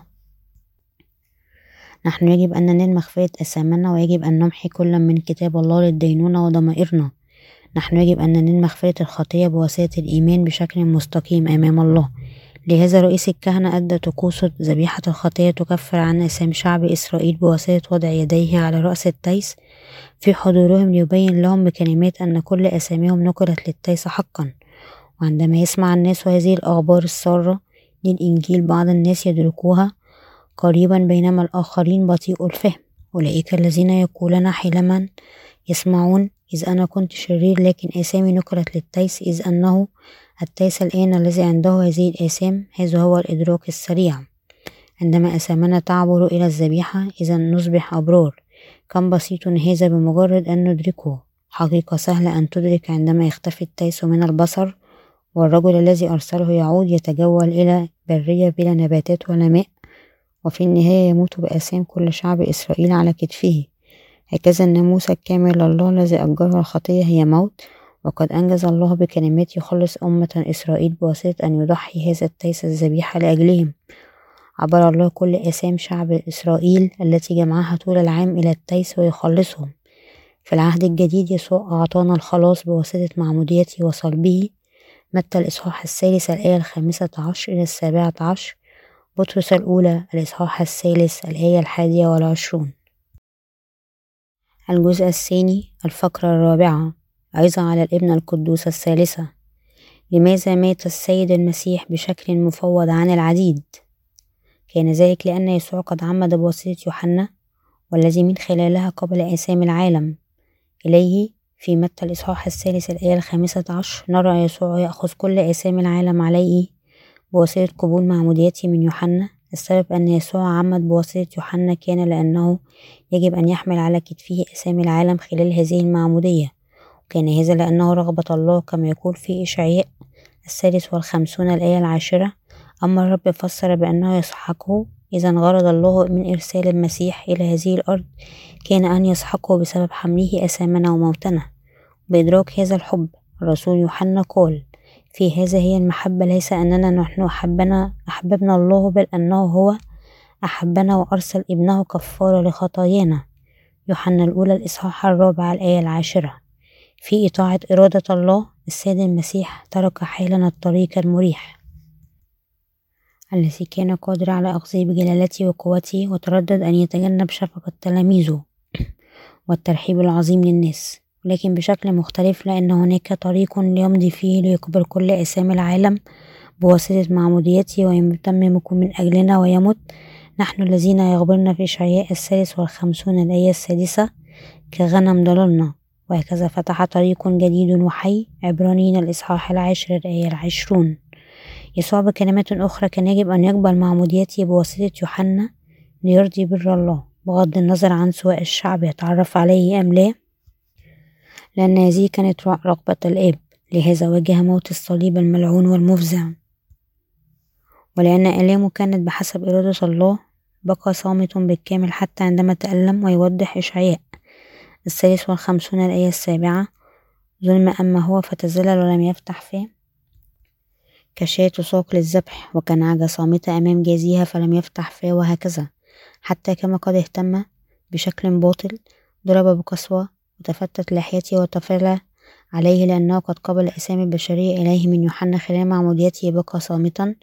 ليس فقط هذا ولكن علاوة على ذلك لأنها كانت إرادة الآب له ليتعمد وهكذا يموت. مات من أجل أولئك الذين يؤمنون. فقد بعد معموديته بواسطة يوحنا في سن الثلاثون ولذا أخذ عليه أسامي العالم ربنا قد صلب في عمر الثلاثة والثلاثون وسفك دمه ثم قام من الموت وأصبح المخلص السرمدي لكل من يثق بهذه الحقيقة. الجزء الثاني للفقرة الخامسة. عايزة على الابن القدوس الرابعة نحن يجب أن نثق بقيامة يسوع بقوة. الحواريون أكدوا إيمانهم في قيامة يسوع بواسطة اعترافهم في قانون إيمان الرسل وقام من بين الأموات في اليوم الثالث. أعمال الإصحاح الأول الآية الثالثة قال الذين أراهم أيضا نفسه حيا ببراهين كثيرة بعدما تألم وهو يظهر لهم أربعين يوما ويتكلم عن الأمور المختصة بملكوت الله العبارة عندما تألم تشير للموت الكامل للسيد المسيح هناك العديد من البراهين تبين أن السيد المسيح مات بالكامل لكن بالأخص يوحنا التاسع عشر الآية الرابعة والثلاثون لكن واحدا من العسكر طعن جنبه بحربة وللوقت خرج دما وماء. الحقيقة أن يسوع صلب إلى الموت معروفة بواسطة كل إنسان في كل مكان وعقاب الصلب. هو الحكم الذي تعاملت به روما مع الغرباء كان عقابا قاسيا تحكم به على المتمردين السياسيين والعبيد. قبل قيام الإمبراطورية الرومانية كان الصلب ينفذ, ينفذ عموما بواسطة تعليق المجرم على الصليب بواسطة ربط يديه وقدميه إليه. بعد ذلك يقتل المدان بواسطة ثقب صدره برمح. لكن الصلب على طريقة الرومان كان عقابة بالتسمير بدلا من الربط الأيدي وأقدام المجرم للصليب وتركه معلقا على الصليب ليموت موتا بطيئا. هكذا قيل بأن المدان يأخذ وقت معين ليموت عادة إلى ثلاثة أربع أيام ولكن في بعض الأوقات حتى في الأسبوع نحن لا يمكن أن نتخيل كم مؤلم للمعاقب بهذه الطريقة كونه مسمرا ملطخا بالدم. يعاني من العطش الذي لا يطاق بازدياد ويقصف بشكل صارم بواسطة الشمس ويتوق بواسطة العقبين الطائرة. المدين قد جعل ليعاني حتى اللحظة الأخيرة من الموت بسبب القسوة المتطرفة. لهذا العقاب أزال الإمبراطور قسطنطين هذا الشكل الخصوصي للعقاب. ماذا إذا يفسر حقيقة أن يسوع مات في ست ساعات كما ذكر بأعلى عندما واحد من الجنود طعن جنبه برمح خرج دم وماء. وتبين من هذا أن يسوع مات بسرعة لأنه عانى من وجع القلب العظيم للمذنبين الذي كسروه وفجروه. بكلمات أخرى مات من قلب مفجر. وبعد ثلاثة أيام من موته قام ثانيا في جسم تام. ما هو غريب؟ هو أنه بالرغم من هذا إلا أن البعض لا يثقون بيسوع القائم حتى عندما يصرخون. يصرحون أنه يعترفون بموته لا يمكن أن يرى هذا إلا عمل الشيطان يحاول أن يمنع البشرية من أن تثق بهذه الحقيقة. كما يقول في لوقا الإصحاح الثامن الآية الثانية عشر الذين على الطريق هم الذين يسمعون ثم يأتي إبليس وينزع الكلمة من قلوبهم لئلا يؤمنوا فيخلصوا. لينكر حقيقة قيامة يسوع الشيطان إذن يدافع خلال العلماء المعلمين الكافرين. عن مثل هذه الفرضيات الباطلة كفرضية الموت الظاهري وقيامة الروحية وفرضية الهلوسة والمعالجة وفرضية الجسم المسروق والآخرون لكن حقيقة قيام يسوع لها العديد من البراهين الجازمة بضمن تلك الأعمال واحد الأعمال الأولى إلى الثالثة. الحقيقة أن يسوع قدم نفسه حيا هي البرهان. أخبرنا أعمال الأول الإصحاح الثالث الآية الثالثة أن يسوع قدم نفسه حيا لتلاميذه بواسطة العديد من البراهين المعصومة مهما يقول الناس. عندما ربنا نفسه يعلن أنه حي لا يوجد هناك مجال لأي نزاع يسوع له قوة حرة على الحياة والموت كما يقول يوحنا العاشر الآية السابعة عشر إلى الثامنة عشر. لهذا يحبني الآب لأني أضع نفسي لأخذها ليس أحد يأخذها مني بل أضعها أنا من ذاتي لسلطان أن أضعها. ولي سلطان أن أخذها أيضا. هذه الوصية قبلتها من أبي. في رؤيا الأول الإصحاح الثامن عشر يقول يسوع أيضا والحي وكنت ميتا وها أنا حي إلى الأبد الآمين. ولي مفاتيح الهاوية والموت؟ ربنا عنده القوة أن يقوم من الأموات ويعيش ثانيا لأنه هو الله القوي وإنسان كامل في نفس الوقت. أجرة الخطية كما تخبرنا روميا الإصحاح السادس الآية السادسة والعشرين هي موت هذا هو ناموس الله الثابت وهكذا اعتنى يسوع بآثام العالم ورفعها خلال معموديته ودمه. وجعل كل آثام العالم تختفي وقام من الموت ثانيا وأصبح الله لأولئك الذين يثق به هكذا أقيم ناموس الله المستقيم. قبره الفارغ كان الدليل. متى الإصحاح السابع والعشرون الآية السابعة والخمسون إلى السادسة والستون أخبرنا أن رجلا غني من الرمى يسمى يوسف وضع جسد يسوع في قبر محفور في الصخر وختم القبر بواسطة حجر كبير على بابه. الفقرة تخبرنا هناك حراس وضعوا ليحرسوا القبر ولكن القبر أصبح فارغ عندما الرب قام من الموت بقوته وخرج من قبره. لوكا الإصحاح الرابع والعشرون الآية الثالثة قال فدخلنا ولم يجدنا جسد الرب ما عسى أن يكون هذا غير برهان قيامة الرب. يسوع هو نموذج تاريخي عظيم واحد من البراهين هي الاستعمال الزمني للسنة الميلادية بعد الميلاد الذي يعني في سنة ربنا أن السنوات والشهور رتبت بكلمات مستندة على يوم مجيئه. هو رب التاريخ رب الخلق ورب الخلاص إذ لم يستطع أن يكون من الأموات لكان قبره يبقى مغلقا كعلامة تاريخية. إن قبور النماذج العظيمة في التاريخ ما زالت تبقى كأماكن الاهتمام العظيم.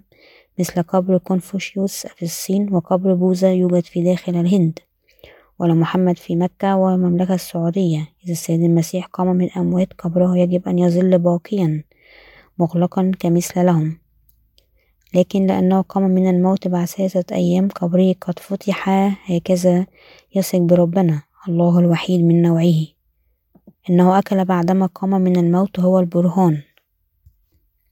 الأرواح لا تأكل ولكن الرب القائم أكل لوقا الإصحاح الرابع والعشرون الآية الأربعون إلى الثالثة والأربعون يقول وحين قال هذا أراهم يديه ورجليه وبينما هم غير مصدقين من الفرح ومتعجبون قال لهم عندكم ها هنا طعام فنولوه جزءا من سمك مشوي وشيئا من شهد العسل فأخذ وأكل قدامهم أعمال العاشر الإصحاح الأربعون إلى الآية الأربعون إلى الحادية والأربعون يشهد أيضا.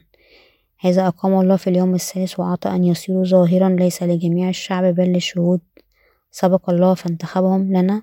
نحن الذين أكلنا وشربنا معه بعد قيامته من الأموات.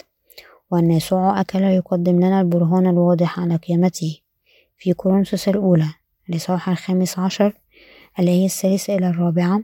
بولس أيضا يقول أنني سلمت إليكم في الأول ما قبلته. أن أيضا أن المسيح مات من أجل خطايانا حسب الكتب ودفن وقام في اليوم الثالث حسب الكتب. في وقت موت يسوع تلاميذه كانوا يرتعدون من الخوف ولكن بعدما اقتنعوا بقيامته أصبحوا متشجعين أن ينشروا خبر قيامة يسوع من الأموات ويخبرنا أعمال الإصحاح الرابع اللي هي الثامنة عشر إلى العشرون. فدعوهما وأوصوهما أن لا ينطقا البتة ولا يعلما باسم يسوع فأجابهم بطرس ويوحنا وقال إن كان حقا أمام الله أن نسمع لكم أكثر من الله فاحكموا لأننا نحن لا يمكننا أن نتكلم. بما رأينا وسمعنا بطرس رسل آخرون أجابوا أيضا نحن يجب أن نطيع الله بدلا من الناس. أعمال الإصحاح الخامس الآية التاسعة والعشرون وبالرغم من أن تلاميذ يسوع قد ارتعدوا أمام موت يسوع بمجرد أن رأوا يسوع الحي. تجرؤوا من ذلك الحين فصاعدا للوقت الحاضر ذاته. السبب أن القديسون نشروا هذا الإنجيل حتى عندما اضطهدوا لأجل المسيح. ولماذا هم كانوا راغبين أن يموتوا لأجلهم؟ بسبب اليقين في قيامة المسيح والثقة في قيامتهم الخاصة. إن قيامة يسوع هي مقدمة لقيامتنا الخاصة في كورنثوس الأولى الإصحاح الخامس عشر الآية العشرون. يقول لكن الآن السيد المسيح قام من الأموات وأصبح باكورا للراكدين. وهكذا تعليم رسائل بولس تتمركز أيضا حول أولا حقيقة صميم قيامة المسيح يسوع وبعد ذلك على الرسالة بأن هذه القيامة تعطينا قيامتنا الخاصة أيضا. الجزء الثاني الفقرة السادسة عظة على الابن القدوس الخامسة. الدليل أن يسوع صعد إلى السماء الكتاب المقدس المكتوب بوحي الروح القدس يشهد لهذه الحقيقة. أعمال الإصحاح الأول الآية الأولى إلى الثانية. شهد لصعود السيد المسيح يسوع قائلا الكلام الأول أنشأته يا سأفيلس عن جميع ما ابتدأ يسوع يفعله ويعلم به إلى اليوم الذي ارتفع فيه بعدما أوصى بالروح القدس الرسل الذين اختارهم. المسيحية ليست دين نظري لكنها الحقيقة الحقيقة الكتابية للكتاب المقدس هكذا هو له سلطان وبالأخص الإنجيل طبقا للوقا ليس إنتاج معرفة شخصية وسطحية للوقا الطبيب لكنه السجل الحي الذي خلال الروح القدس هو كتب عن خدمة يسوع حتى اليوم الذي فيه صعد عندما نحن يمكن أن نثق بالوثائق التاريخية المتروكة بواسطة أنيس هيليكون كيف لا يمكن أن نثق بالكتاب المقدس؟ الذي كتب خلال وحي الروح القدس من الله نفسه. الفقرة بأعلى تشهد أن يسوع صعد إلى السماء أمام العديد من الذين شهدوا بعيونهم. أعمال الأول الإصحاح التاسع. قال لما قال هذا ارتفع وهم ينظرون وأخذته سحابة عن أعينهم. كورنثوس الأولى. الإصحاح الخامس عشر الآية السادسة. أيضا تقول وبعد ذلك ظهر دفعة واحدة. لأكثر من خمسمائة أخ أكثرهم يباقي إلى الآن ولكن بعضهم ركضوا لأن يسوع قام ويشهد بذلك أكثر من خمسمائة قديس فإن السعودية هو الحقيقة المستحيلة النكران وهذا قد كتب بينما كان أغلب أولئك الذين شهدوا كانوا ما زالوا أحياء. أن يسوع عاد ثانيا إلى الأزل من العالم المحدود يشهد إلى صعوده نحن يجب أن نؤمن كأمر طبيعي أن الرب اللانهائي جاء إلى هذا العالم المحدود متجسد في جسد الهالكين وأخذ عليه أثامنا بواسطة معموديته وصلب وقام ثانيا من الموت. ومجد هذه القيامة وصعد إلى السماء راجعا إلى الأزل من المحدود. ولو أننا نحن قديسين كنا بعد مجيئنا وبقائنا إلى هذه الأرض. لفترة نرجع إلى السماء لكن لا يوجد شيء غريب حول هذا. وكان فقط أمر طبيعي على نفس النمط. هناك لا شيء الغريب في حقيقة أن السيد المسيح جاء من السماء وبقى على هذه الأرض لفترة وبعد ذلك صعد إلى السماء ثانيا. لكنه أمر طبيعي ربنا, ربنا قال لنيقوديموس الذي له هو قد وضح مبادئ السماء لكنه لم يتمكن أن يفهم كالتالي. أجاب يسوع وقال له أنت معلم إسرائيل ولست تعلم هذا الحق الحق أقول لك أننا إنما نتكلم بعد نعلم ونشهد بما رأينا ولستم تقبلون شهاداتنا إن كنت قلت لكم الأرضيات ولستم تؤمنون فكيف تؤمنون إن قلت لكم السماويات؟ وليس أحد صعد إلى السماء إلا الذي نزل من السماء ابن الإنسان الذي هو في السماء. يوحنا الإصحاح الثالث الآية العاشرة إلى الثالثة عشر. أن يسوع صعد إلى السماء أمام شهادة العديد من مشاهد الحقيقة. في أعمال الإصحاح الأول الآية العاشرة قال فيما كانوا يشخصون إلى السماء وهو منطلق هنا العبارة. فيما كانوا يشخصون إلى السماء تعني أنهم نظروا إلى نحو السماء عن قرب وبكلمات أخرى تبين صعود الرب. حدث أمام عيون التلاميذ في فترة ممتدة. جعلت بشكل مختلف خبرة غير اللحظية للتلاميذ لكنها مزودة بدليل واضح ومفصل أن التلاميذ يشخصون تعني أنهم حدقوا لفترة معتبرة من الوقت وصعدوا لم يكن حدث مؤقت وفوري مثل شهاب أو برك في سماء الليل لكنه حدث ملموس ومؤكد بمثل هذا. المسيحية ذاتها هي الشاهد الحقيقي للحق شهادة الملكين في النصف الأخير من أعمال إصحاح الأول الآية العاشرة مكتوب وإذا رجلان قد وقفا بهم بلباس أبيض هؤلاء الرجلان يشيران للملائكة بوضوح. والرداء الأبيض يمثل النقاوة والشرف وكل من العهد القديم والجديد يشهد بشكل مماثل أن الملائكة تظهر في شبه البشر. متى الإصحاح الثامن والعشرون الآية الثالثة؟ لوقا الإصحاح الرابع والعشرون الآية الرابعة. أعمال الإصحاح العاشر الآية الثلاثون تكوين الإصحاح الثامن عشر الآية الثانية وإلى التاسعة عشر الآية الأولى ورؤيا الإصحاح الواحد الحادي والعشرون الآية السابعة عشر. الملائكة هي كائنات خارقة التي بلا خطية وهكذا شهادتهم تزرع الحقيقة في قلوبنا منعشة ماء النهر الصافي. ربنا الذي سيرجع بنفس الأسلوب كصعوده أعمال الإصحاح الأول الآية الحادية عشر قال أيها الرجال الجليلون ما بالكم موقفين تنظرون إلى السماء؟ أن يسوع هذا الذي ارتفع إلى السماء يأتي هكذا كما رأيتموه منطلقا إلى السماء. وبعد صعود الرب الخمسمائة أخ الذين تجمعوا ليشهدوا على هذا الصعود ما زالوا يحدقون في السماء الفارغة في حزن حتى اختفى الرب من بصرهم ويعطيهم راحة وشجاعة وأمل. وشهد الملكان أن يسوع هذا ارتفع عنكم إلى السماء سيأتي كما رأيتموه منطلقا إلى السماء. وعبارة كما تعني أنه كما قد صعد إلى السماء من جبل الزيتون الرب سيرجع بثبات إلى جبل الزيتون هذا. زكريا الإصحاح الرابع عشر الآية الرابعة. وهو وعد أنه في هذا الوقت لن يأتي في الاتضاع كما عمل عندما جاء أولا لكن هو سيأتي على السحاب في المجد. إذا الأبرار يمكن أن ينتظروه وفي رجاء قائلين تعالى أيها يسوع رؤيا الإصحاح الثاني والعشرون الآية العشرون. الجزء الثاني الفقرة السابعة. عظة على الابن القدوس السادسة. الرب سيرجع كرب دينونة. رؤيا الإصحاح العشرون الآية الحادية عشر إلى الخامسة عشر. ثم رأيت عرشا عظيما أبيض والجالس عليه الذي من وجهه هربت الأرض والسماء ولم يوجد لهما موضع ورأيت الأموات صغارا وكبارا واقفين أمام الله. وانفتحت أسفار وانفتح سفر آخر هو سفر الحياة ودين الأموات مما هو مكتوب في الأسفار بحسب أعمالهم وسلم البحر والأموات فيه وسلم الموت والهاوية والأموات الذين فيهم الدين كل واحد حسب أعماله. وطرح الموت والهاوية في بحيرة النار الذي هو الموت الثاني وكل من لم يوجد مكتوب في سفر الحياة وطرح في بحيرة النار. هذا العالم سيدان بواسطة الرب. من أجل شروره وبالأخص نحن يجب أن ننتبه لحقيقة أن الرب نفسه سيكون منفذ يوم الدينونة. وهكذا يقول قانون إيمان الرسل أؤمن صعد إلى السماء وجلس عن يمين الآب ويأتي في مجده ليدين الأحياء والأموات. في كل شيء إذا هناك بداية إذا هناك يجب أن يكون نهاية. كونه الله نفسه إذا يسوع هو كل من الخالق والقاضي. لأن الرب هو منقذ البشرية وأيضا القاضي هو الأول والآخر.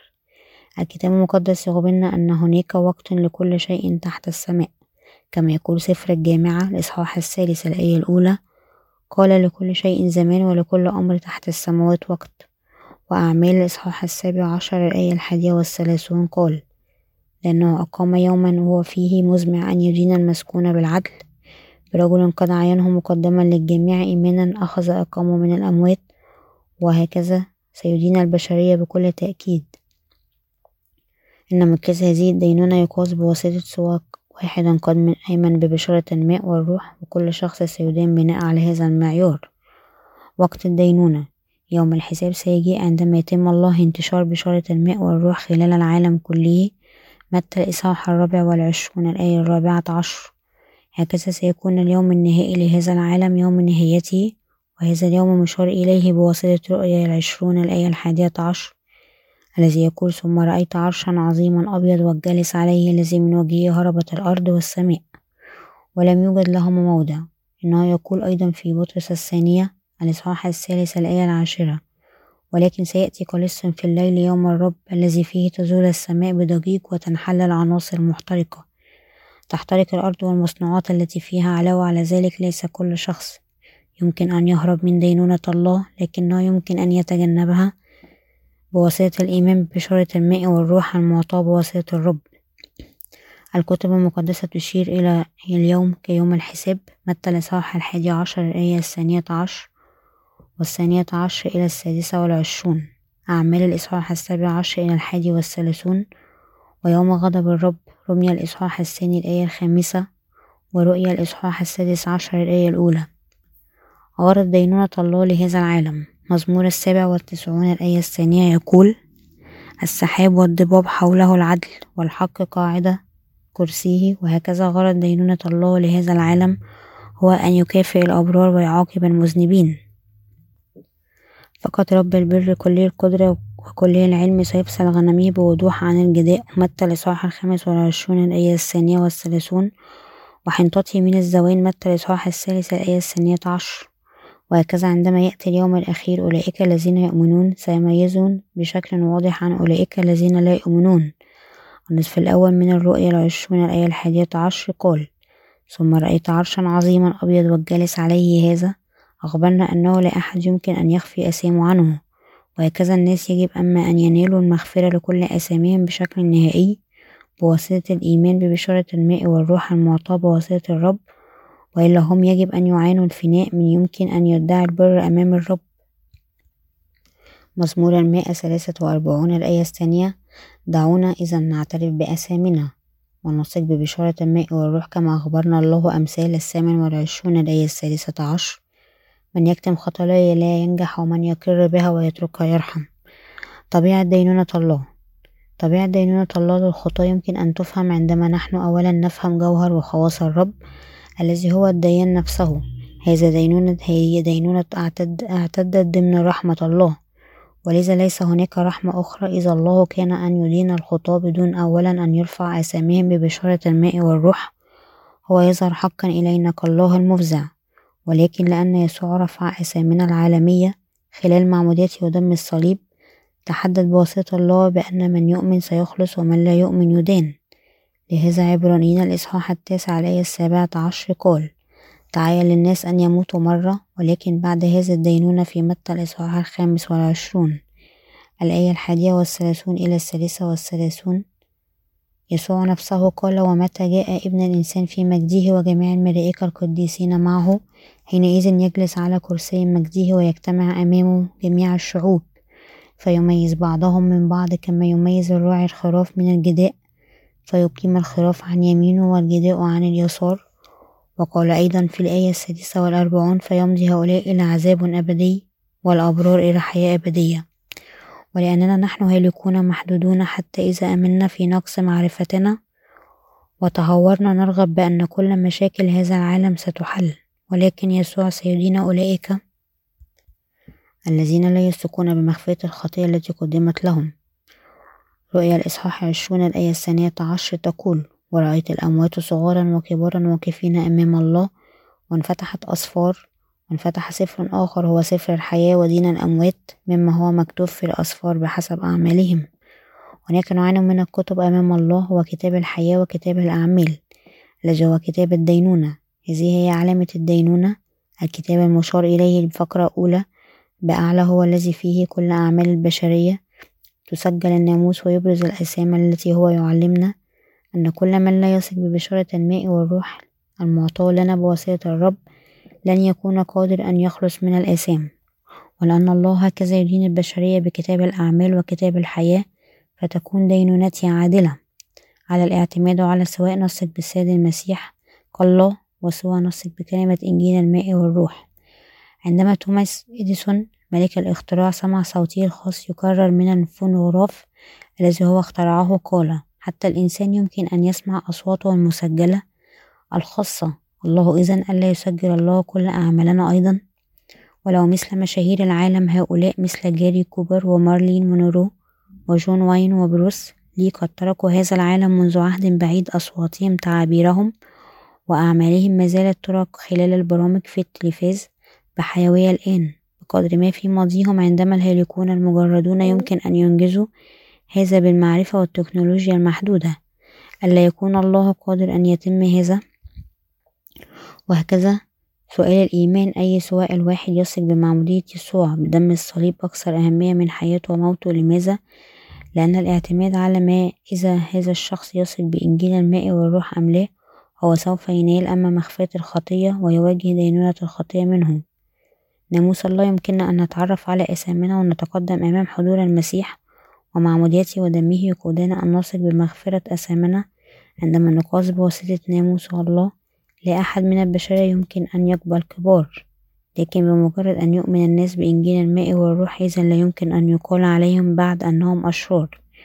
وهذا أيضا لأن ناموس الله ليس فقط أن يرى أعمال الخارجية من الخطية لكن هو يتعمق في داخل أعماق الإنسان القلب الإنساني. الناموس يقول كمثال كل من ينظر إلى امرأة ليشتهيها فقد زنى بها في قلبه وعلى نفس النمط حتى إذا ما نحن قتلنا أي واحد في الحقيقة إذ نحن كان عندنا كراهية غيره أو حسد. الذي يشكل الحافز على قتل الناموس يخبرنا أننا قد قتلنا بالفعل. متى الإصحاح الخامس الآية الحادية والعشرون إلى الثانية والعشرون والسابع والعشرون إلى الثامنة والعشرون؟ وعلاوة على ذلك حتى إذا نحن حفظنا ناموس الله عندما نكسره حتى مرة إذا نحن نكون كسرناه كله. لهذا البشرية يجب أن نثق ببشارة الماء والروح المعطاة بواسطة الرب. الله إذا قدم للبشرية المسيح الذي أكمل بر الله عنا فضلا عن الناموس. رمي الإصحاح الثالث الآية الحادية والعشرون وكل من يؤمن بأن السيد المسيح يطيع الناموس بالكامل عمد حمل على كتفيه آثام العالم ومات على الصليب يمكن أن يخلص من كل آثامه بواسطة أن يثق بهذه الحقيقة. في هذا المعنى الدينونة الأبدية بين السماء وجهنم لا تقرر بواسطة أعمالنا الجيدة أو الشريرة ولكن بواسطة سواء أن نثق أم لا بالمعمودية ودم المسيح وسواء أن نؤمن أنه هو الله أم لا وهكذا كون كل شخص يجب أن يؤمن بينما هو في هذا العالم ببشارة الماء والروح المعطاة بواسطة المسيح هي الحقيقة الأكثر أهمية. ربنا نفسه قال وكما رفع موسى الحية في البرية هكذا ينبغي أن يرفع ابن الإنسان لكي لا يهلك كل من يؤمن به بل تكون له الحياة الأبدية. لأنه هكذا أحب الله العالم حتى بذل ابنه الوحيد لكي لا يهلك كل من يؤمن به بل تكون له الحياة الأبدية. يوحنا الإصحاح الثالث الآية الرابعة عشر إلى السادسة عشر. يسوع الذي عمد بواسطة يوحنا ليأخذ أسامي البشرية وليتمم كل بر. حمل أسامي العالم هذه إلى الصليب. أولئك في هذا العالم الذين يثقون بالمسيح يخلصون من أسامهم. لأن يسوع عمد ليحمل الآثام بشكل مفوض عن البشرية ومات على الصليب حتى أن سارق قاتل مثل باراباس خلص أيضا. وهكذا البشرية يمكن أن تتجنب الدينونة فقط بواسطة أن ترجع للمسيح بأسرع ما يمكن وتؤمن به. بينما نحيا كل البشر يقفون عدد عند مفترقات الطرق حيث هم يجب أن يختاروا بين الطريقين إلى اتجاهات مختلفة دمار أبدي وحياة أبدية. الجزء الثاني الفقرة الثامنة. عظة على الابن القدوس السابعة. من يخضع إلى الدينونة كما يبين قانون إيمان الرسل أثق بسيأتي ليدين الأحياء والأموات كل البشرية من أبوها آدم إلى نهاية العالم. ستخضع لدينونة الله عبرانيين الإصحاح التاسع عليه السابع والعشرون قال وكما تعين للناس أن يموت مرة لكن بعدها الدينونة هكذا لأنه أنه حقيقي كل موليد البشر يجب أن يموتوا. إذا هو لابد من الدينونة تتبع هذا. في بداية رؤيا العشرون الآية الثانية عشر يقول ورأيت الأموات صغارا وكبارا واقفين أمام الله هنا العبارة صغار وكبار لا تعني بالغول وأبناء لكن الكبار يشيرون إلى الملكوت الرؤساء وآخرون مثل هؤلاء السياسيين ذوي المرتبات العالية والأقوياء بينما الصغار تشير للمواطنين العاديين والناس العادية. أيضا في بداية رؤيا العشرون الآية الثالثة عشر يقول البحر سلم الأموات الذين فيه ويعني أن كل أولئك الذين ماتوا من الحوادث سيقفون أيضا أمام عرش الدينونة بغض النظر عن كيفية موت الناس سواء في البحر أو الجو أو الأرض لأن السماء والأرض الكاملة في يدي الله لا أحد يمكن أن يتجنب دينونته. في منتصف آية الآية الثالثة عشر بأعلى يقول سلم الموت والهاوية والأموات الذي فيهما يدين كل واحد بحسب أعماله واستمر في في آياته الرابعة عشر يقول وطرح الموت والهاوية في بحيرة النار هذا هو الموت الثاني. الخطية هي الناموس ثابت الذي يضع شعب فيه الموت والهاوية هي السجن الذي يحصر الأموات ولكن الآن عندما تأتي الدينونة حتى هؤلاء سيتغيرون ويطلقون الأموات طاعة لناموس القيامة بكلمات أخرى. عندما الحياة الأبدية والدمار يحددان بواسطة يوم القيامة سوف لا يكون هناك بعد الموت والهاوية لهذا هذين الشيئين يطرحان في بحيرة النار أعتبر بشكل آخر أن الموت والهاوية يطرحان في بحيرة النار يعني أن الخطاة الواقفين أمام عرش الدينونة سيطرحون في بحيرة النار وهذا يكون عندما يموت العدو الأخير للحياة سيحطم كورنثوس الأولى الإصحاح الخامس عشر الآية السادسة والعشرون وهو يعني أن الوحش والأنبياء الكذبة يطرحون أولا في بحيرة النار رؤيا الإصحاح التاسع عشر الآية العشرون متبوعين بالشيطان ورأس الشيطان الذي يطرح أيضا في جهنم رؤيا الإصحاح عشرون الآية العاشرة. حذرت الكيانة أحد آباء كنيسة من دينونة روما الوشيق والحدوث الذي قدمت المؤمنين إلى الأسود الجائعة كطعام. الصالات المكشوفة والساحات وصلبهم وأحرقهم والذين شاهدوا وتمتعوا بتلك المناظر بواسطة قولهم أتحب هذه المشاهد انتظر في توقع لأنك سترى يوم الدينونة. المنظر الأعظم من الكل. حقا هناك سوف لا يكون منظر أعظم من هذا ولكل البشرية التي عاشت أبدا على الأرض الطبقات العليا والدنيا ومن الأزمنة القديمة إلى الوسطى الحاضرة لكل سيواجه يوم القيامة ويدخل السماء لحياة أبدية. ويطرحون في دمار الروح. رؤيا الإصحاح عشرون الآية الخامسة عشر الخاتمة تقول وكل من يوجد مكتوبا لم يوجد مكتوبا في سفر الحياة طرح في بحيرة النار كل من يريد أن يكتب اسمه في سفر الحياة يجب أن يكون مولودا ثانيا من الماء والروح التي تكلم عنها الرب. ليكون مولودا ثانيا من الماء والروح نحن يجب أن نعبر كل آثامنا ليسوع خلال معموديته ويجب أن نموت على الصليب مع الرب فقط عندئذ يمكن أن نكون مولودين ثانيا من الماء والروح وننال الحياة الأبدية. الجزء الثاني الفقرة التاسعة. عظة على الابن القدوس الثامنة. ما الإيمان الذي يعتبره الله عظيما؟ متى الإصحاح الثامن الآية الخامسة إلى العاشرة. ولما دخل يسوع كفر نحوم جاء إليه قائد مئة يطلب إليه ويقول يا سيد غلامي مطروح في البيت مفلوجا.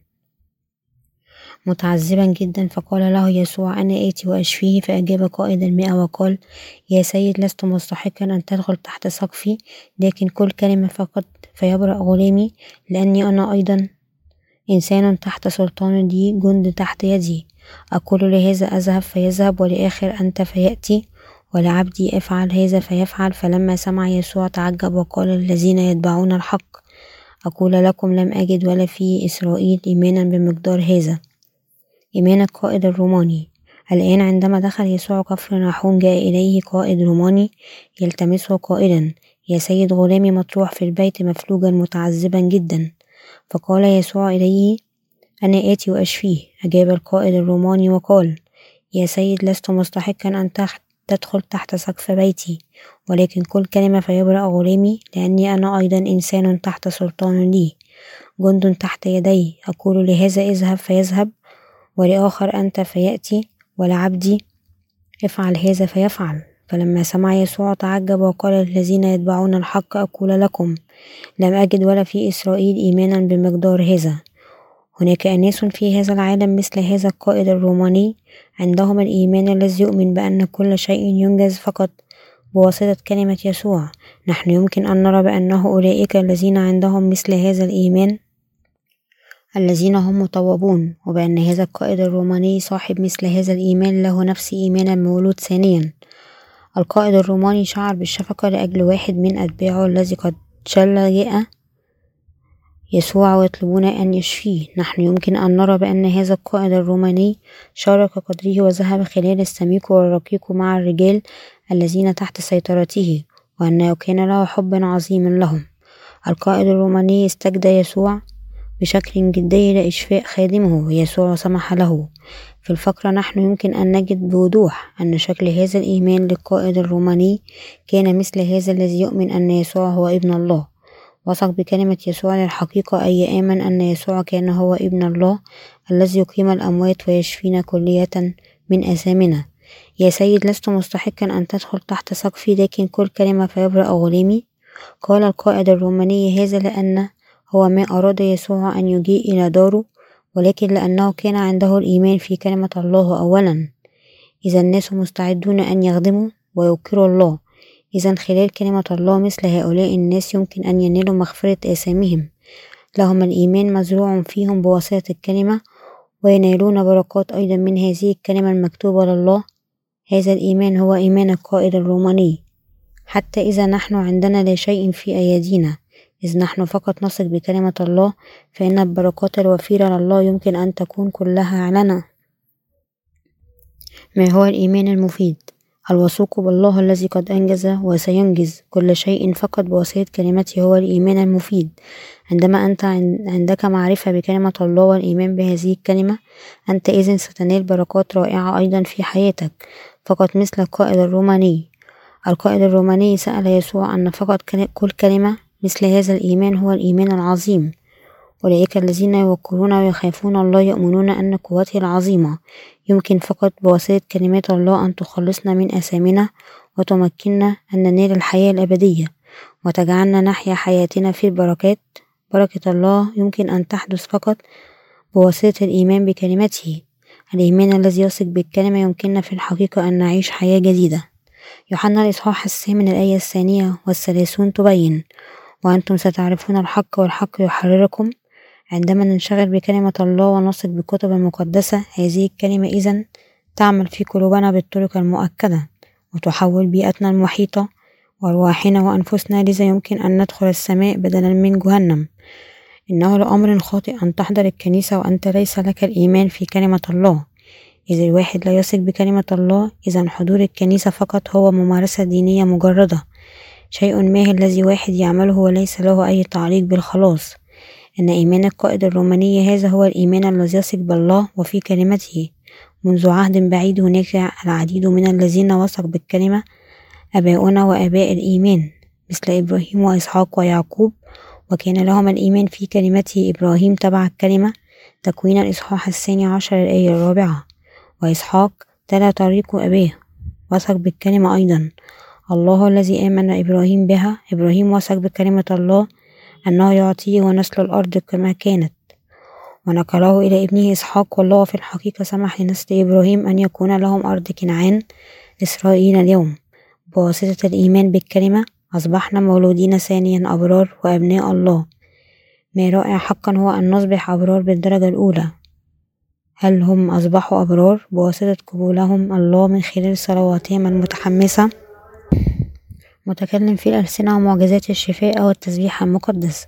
هل يمكن أن نستقبل الله فقط بواسطة أن نعترف أنه أبونا؟ الإيمان الصادق هو الإيمان بكلمة الله. الإيمان بالله لا يمكن أن يحدث بواسطة العواطف والولاء أو المقدرة خاصة للواحد أنا قد رأيت العديد من المسيحيين يقدمون صلواتهم المتحمسة للتوبة باكين يعترفون بأساميهم جهرا بشكل عام. هو قد أصبح ممارسة مألوفة للمسيحيين الذين يحضرون الكنيسة لوقت طويل أن يحاولوا أن يطهروا آثامهم خلال صلواتهم للتوبة المقدمة بالعديد من الدموع. إن عصرنا تحول إلى عصر مفسد حيث المسيحيون وهم يرون مثل هذه العروض الخارجية يبرهنون على إيمان منهم الآخر مستندين على هذا. إن البدع تهتم بالحركة الكاريزماتية الصوفية والمادية وهم عرضة لأن يتبعوا مثل هذه الميول الخاطئة بشكل صاخب يائس لكن كل توابعهم بينما هم يحصلون على راحة عابرة ورضاء من مثل هذه الاعتقادات. لا يمكن إلا أن يستمروا أن يعيشوا موشوشين في الحياة بالقلوب الفارغة. هذا يمكن أن يكون الدليل أن مثل هؤلاء الناس لم يولدوا ثانيا ولا نالوا الروح القدس.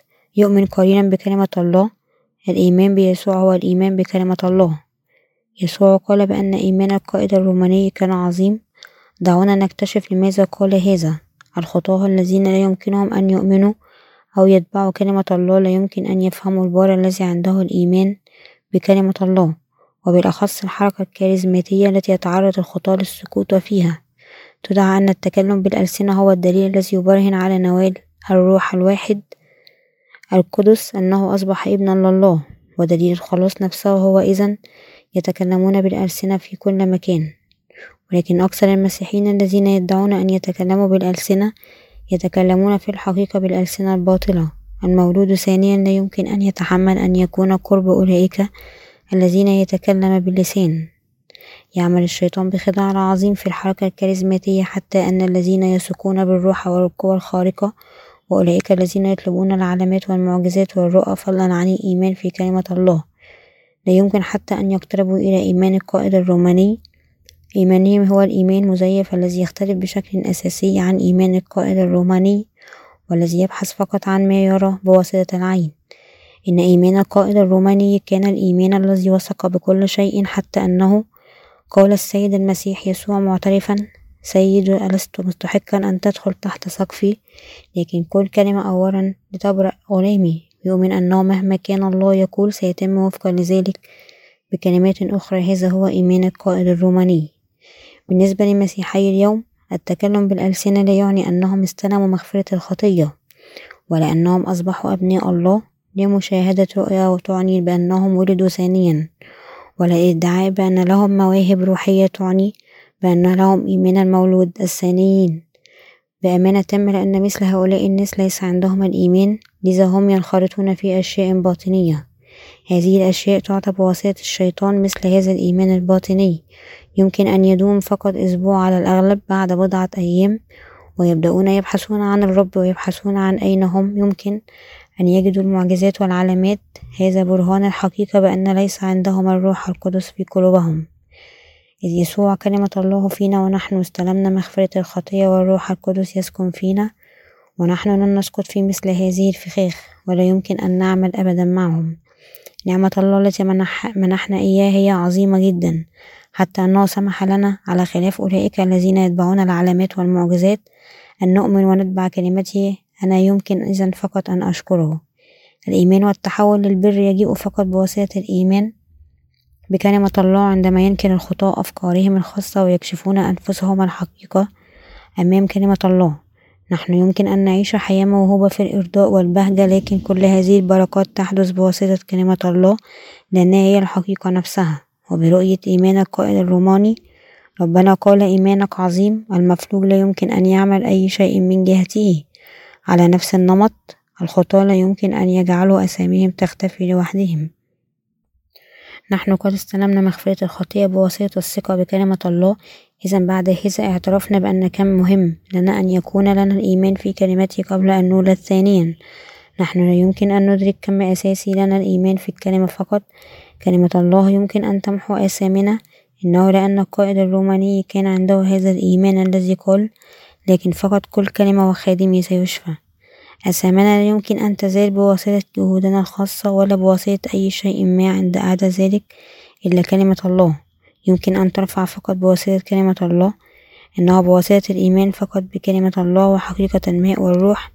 إننا نخلص ليس بواسطة الأفكار الصناعية والمذاهب الجهود التوبة وتقديسنا الخاص الخلاص المقبول في الأحلام أو الرؤى ليس هو الخلاص. مغفرة الخطية التي لا ننالها من كلمة الله. أن نولد ثانيا من الماء والروح ليست الخلاص. هناك العديد من الذين يصبحون خطاة أعظم. حتى لو صرحوا أنهم يثقون بيسوع ويحضرون كنيسته. عبرانيين الإصحاح الأول الآية السادسة. قال حامل كل الأشياء بكلمة قدرته. بعدما صنع بنفسه تطهير خطايانا جلس في يمين العظمة في الأعالي والسبب أن مثل هؤلاء الناس يصبحون حتى أشرار أكثر ولا يحررون من أساميهم على الرغم من إيمانهم بيسوع وأنهم لا يعرفون كلمة الله بشكل صحيح. هو الذي طهر كل آثام البشرية هو يسوع لأن ما فعله يسوع كتب بالتفصيل في كلمة الله أنه بواسطة الإيمان بهذه الكلمة إننا يمكن أن نصبح أبرار ونحيا حياتنا مثل هذه البركات. أولئك الذين لم يستلموا مغفرة الخطية من الكلمة مهما كانوا هم كذابين. يسوع هو الطريق والحياة بغض النظر كم يعبده الناس وكم بشكل متحمس يقدمون صلوات التوبة خلال خدمة العبادة ويتركون كلمة الله جانبا. هؤلاء لا يمكنهم أن يدخلوا السماء. الجهود والولاءات وأعمال البشر لا يمكن أن تمحو آثامهم لا شيء في هذا العالم حتى إذا كانت قوى أن تطرد شياطين يمكن الناس لأن يحب بواسطة الرب وحتى إذا هم استشهدوا هذه لا تعني أن أرواحهم تخلص. إذ الناس لا يكون إيمانهم بشكل مؤكد على الكلمة. هو سيغير حتما في النهاية كل مكونات إيمانهم مثل إيمانهم في الله في الخلاص. في الدينونة ستتغير بينما يمر الزمان مثل هذه الأشياء عقيمة بالكامل. الناس الذين يدعون أن لديهم تقاليد الذين يفخرون بنسبهم ونسبهم والذي يتفاخرون بطوائفهم. عمل هؤلاء الناس يؤكد أنفسهم أنهم شعب الله لكن الله قال بأنه يطرد مثل هذا الشعب إلى جهنم. هو سيكون حتى موافقة أن يتكبروا حتى يثقون بالكلمة كما هي. وعلى أي حال لأنهم لا يعملون هذا لكنهم يثقون مستندين على مقاييسهم. الله قال أنه يلقيهم للظلمة الخارجية. متى الإصحاح السابع الآية الثالثة والعشرون. حينئذ أصرح لهم أني لم أعرفكم قط. اذهبوا عني يا فاعل الإثم ما هي الفوضى تشير إلى أعمال أولئك الذين يدعون أنهم يثقون بالله ويمارسون قوتي حتى كما لو لم يكن في الحقيقة عندهم إيمان. كنيسة الله هي حيث نستمع لكلمة الله. إنه المكان حيث نحن يمكن أن نضع جانبا أفكارنا الخاصة. هناك أناس يدعون أنه حتى لو يبقون أشرار هم يمكن أن يدخلوا ملكوت الله. لأنهم يحضرون الكنيسة ويثقون بيسوع. أولئك الذين يتكلمون عن الأرثوذكسية حتى بأكثر تحمسا قائلين أنهم الخطاة المخلصين حتى ولو قلوبهم ليس فيها الإيمان. يصرحون أنهم يثقوا بالله ويدعوا أنهم سيأخذهم إلى السماء. انظر بنفسك إذا يمكنك أن تجد أي مكان في الكتاب المقدس حيث مثل هذه الادعاءات تدعم في الكتابة. القديسون هم أولئك الذين هم أبرار أي المستقيمون. الشعب الذي يتفاخر بالأرثوذكسية يقول الله قد اعترف بنا كأبرار حتى ولا نحن خطاة لكن هذا لا يعني أننا بلا خطية في الحقيقة لكن الله لا يبررنا لأننا نحضر الكنيسة بعيدا عن ذلك. الشعب الذي يدعي أنهم يمكن أن يدخلوا ملكوت الله بواسطة أعمال إيمانهم فهم يحبون الله في حب غير متبادل لأن خلاصهم من صنعهم الخاص وليس الذي أخذوه من الرب بواسطة الإيمان. ومثل هذا الشعب لا يمكن أن يخلص الآثام في قلوبهم هي دليل أنهم لم يخلصوا بعد. بعدما رفع كل أسامي العالم يسوع أخبرنا أن نثق به. الله يسر بواسطة أولئك الذين يثقون بيسوع ويحررون من أسامهم وقد أصبحوا الأبرار.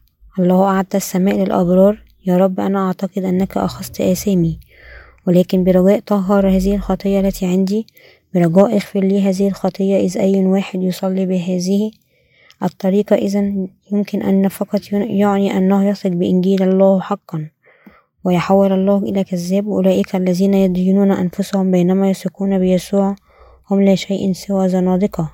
نحن يجب أن ندرك بشكل صحيح أنه ليس هناك إدانة أكثر من المسيح يسوع. إدانة أكثر في المسيح يسوع. روميا الإصحاح الثامن الآية الأولى. الأشرار لا يمكن أن يمحو أسام أرواح الأشرار بالآخرين بالكلمة. ولكنهم ينتهون بأن يحولوهم إلى الخطاة الذين يثقون بيسوع بطريقة ما. فقط مثل أنفسهم لكن أولئك الذين استلموا مخفية أساميهم يمكن أن نظرا للكلمة القوية لمخفية الخطية يجعل الخطاة أبرار أيضا. هكذا نصبح أبرار بواسطة الإيمان بيسوع. البركات هي الولادة الثانية بواسطة كلمة الله. البركات هي أن تنبع القائد الروحي وأن تتوحد سوية في خدمة الكنيسة. ونشر إنجيل مخفية الخطية للنفوس. القائد الروماني مع أنه غير يهودي إلا أنه آمن بكلمة الله كما هي كانت. وهو هكذا خلص وأصبح شخص تام ومستقيم على النقيض وأولئك الذين تفاخروا بأنفسهم كيهود أرثوذكسيين. قد تركوا لأنهم عرفوا يسوع بشكل صحيح أيهما الأصح. الإيمان في الكلمة يمكننا أن نتحرك من حياة الخطية إلى حياة الخلاص ويسمح لنا أن نتبارك بواسطة كل الكلمة. الإيمان في الله هو أن نثق به وبكلمته وكان لأن القائد الروماني عنده إيمان أن الله أعلن أنه عظيم.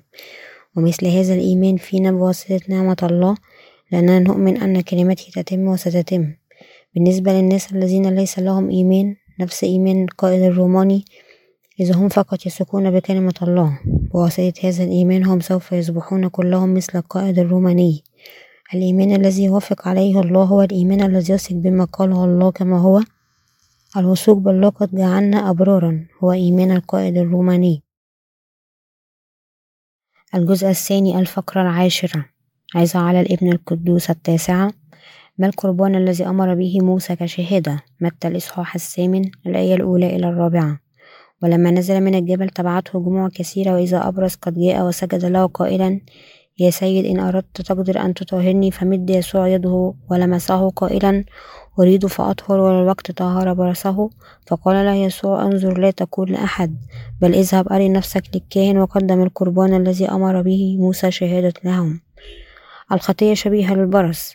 يسوع يخبرنا بأن هذا الذي نال مغفرة الخطية يجب أن يقدم القربان الذي أمر به موسى كشهادة.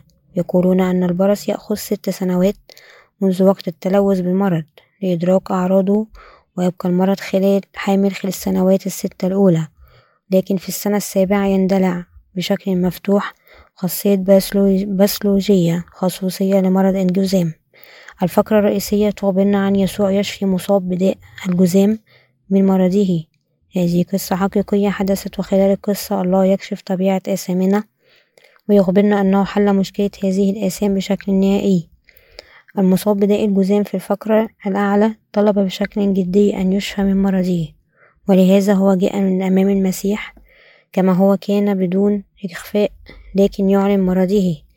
هذا المصاب بداء الجذام يؤمن أن كل شيء يمكن أن يتم بواسطة كلمة يسوع وهو يؤمن أيضا أن كلمة أن كلمة يسوع تشفي مرضه الخاص. وبرؤية إيمان هذه الأبرص بنفس الرؤية للقائد الروماني في نفس الإصحاح والذي يسوع طهره الدرس الصميم من هذا الموضوع ليس حول الشفاء للمرض لكن إنه حول كيف نحن يمكن أن نشفى من مرض أثامنا يلمح المصاب بداء الجذام هنا حقيقة أنه في قلوبنا داء الخطية مثل مرض الجذام منذ لحظة, لحظة ولادنا من رحم أمهاتنا نحن كلنا مولودين بمرض الخطية.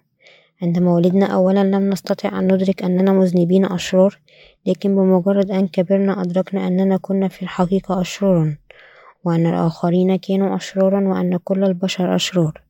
ولكن الله يخبرنا خلال الفقرة بأعلى أنه إذا جاء هؤلاء البشر الأشرار إلى يسوع وكشفوا أنفسهم بدون إخفاء إذ هم عندهم الإيمان الذي يقول إذا أنت أردت أنا أؤمن أنك أكثر من قادر.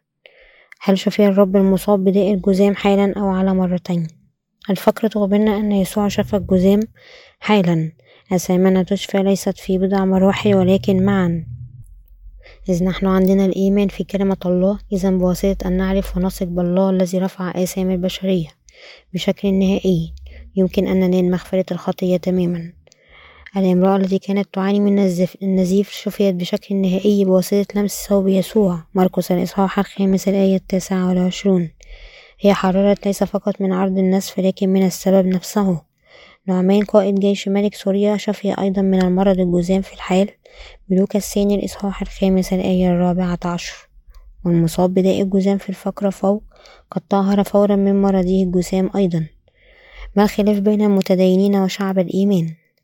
بسبب غباوتهم الناتجة عن جهلهم الحقيقي يؤمن المتدينون أنه يمكنهم أن ينالوا مغفرة الخطية خلال نوبتهم اليومية حتى بينما يعيشون كل يوم في الخطية ولكن بالنسبة لشعب الإيمان الذي يتبع الكلمة كل مشاكل أنف أساميهم حلت بشكل نهائي ويعيشون في نعمة الله.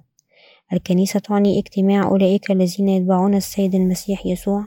نحن يجب أن ندرك أن الصدوقيون والفريسيون بينما هم سرحوا أنهم يثقون بالله إلا أنهم لم يشفون بواسطة يسوع. ولكن أولئك الذين شافوا بواسطة سوية كانوا فقط أولئك الذين مثل الامرأة النازفة والمصاب بداء الجزام. ما يتمكنوا أن يعملوا أي شيء حيال أمراضهم لوحدهم. إذا كان محتملا لنا أن نحل مشكلة الآثام في قلوبنا بواسطة أعمالنا الخاصة وصلوات التوبة والأعمال الصالحة سوف لا يكون هناك حاجة ليسوع أن يأتي للأرض. وإذ نعتقد بأن يمكننا أن نحل مشكلة الخطية نحن لن نكون قادرين أن نقابل يسوع في نهاية حياتنا. ولكن مشكلة أسامنا لا يمكن أن تحل مهما نعمل ومهما نحاول. لأن أسامنا لا تختفي بغض النظر عن كثرة توبتنا. نحن يجب أن ندرك بوضوح أن مشكلة الخطية لا يمكن أن تحل بواسطة قوتنا الخاصة ونعترف أمام الله أننا مذنبون. نحن يجب أن ندرك الحقيقة أيضا أننا عندما نعترف أنا إثم أمام الله ليس من التواضع ولا القناعة المذهبية. لكن قلوبنا المخلصة وعندما نجيء أمام حضور الله نطلب عن رحمته هو سيحل مشاكلنا بسبب الخطية. فقط أولئك الذين يكشفون أنفسهم أمام الله كمذنبين كاملين. يسألون عن رحمته ويعترف به أن لا يمكن إلا أن أطرح في جهنم لأنني شرير. يا رب برجاء ارحمني فقط مثل هؤلاء الناس يمكن أن ينالوا نعمة الرب. رمي الإصحاح الثالث الآية العاشرة تعلن ليس هناك بار لا ليس واحد. هذه الآية هي ما تكلم به الرسول بولس لأولئك الذين لم ينالوا مغفرة الخطية. هل يسوع لم يجيء للعالم ليجعل المذنبين أبرارا؟ ليس هناك مثل هذا الشيء الذي يدعى مغفرة الخطية الوسط. لا هناك أي نصف البار على أي حال لسوء الحظ. هناك العديد جدا من مثل هذا الشعب الشاذ في المسيحية يؤمن أن الآثام تغفر حينما يقدمون صلوات التوبة. أثامنا ليست شيء ما الذي يمكن أن يرفع بواسطة صلواتنا للتوبة. يسوع هو الواحد الذي أكمل الشفاء تماما من الخطية.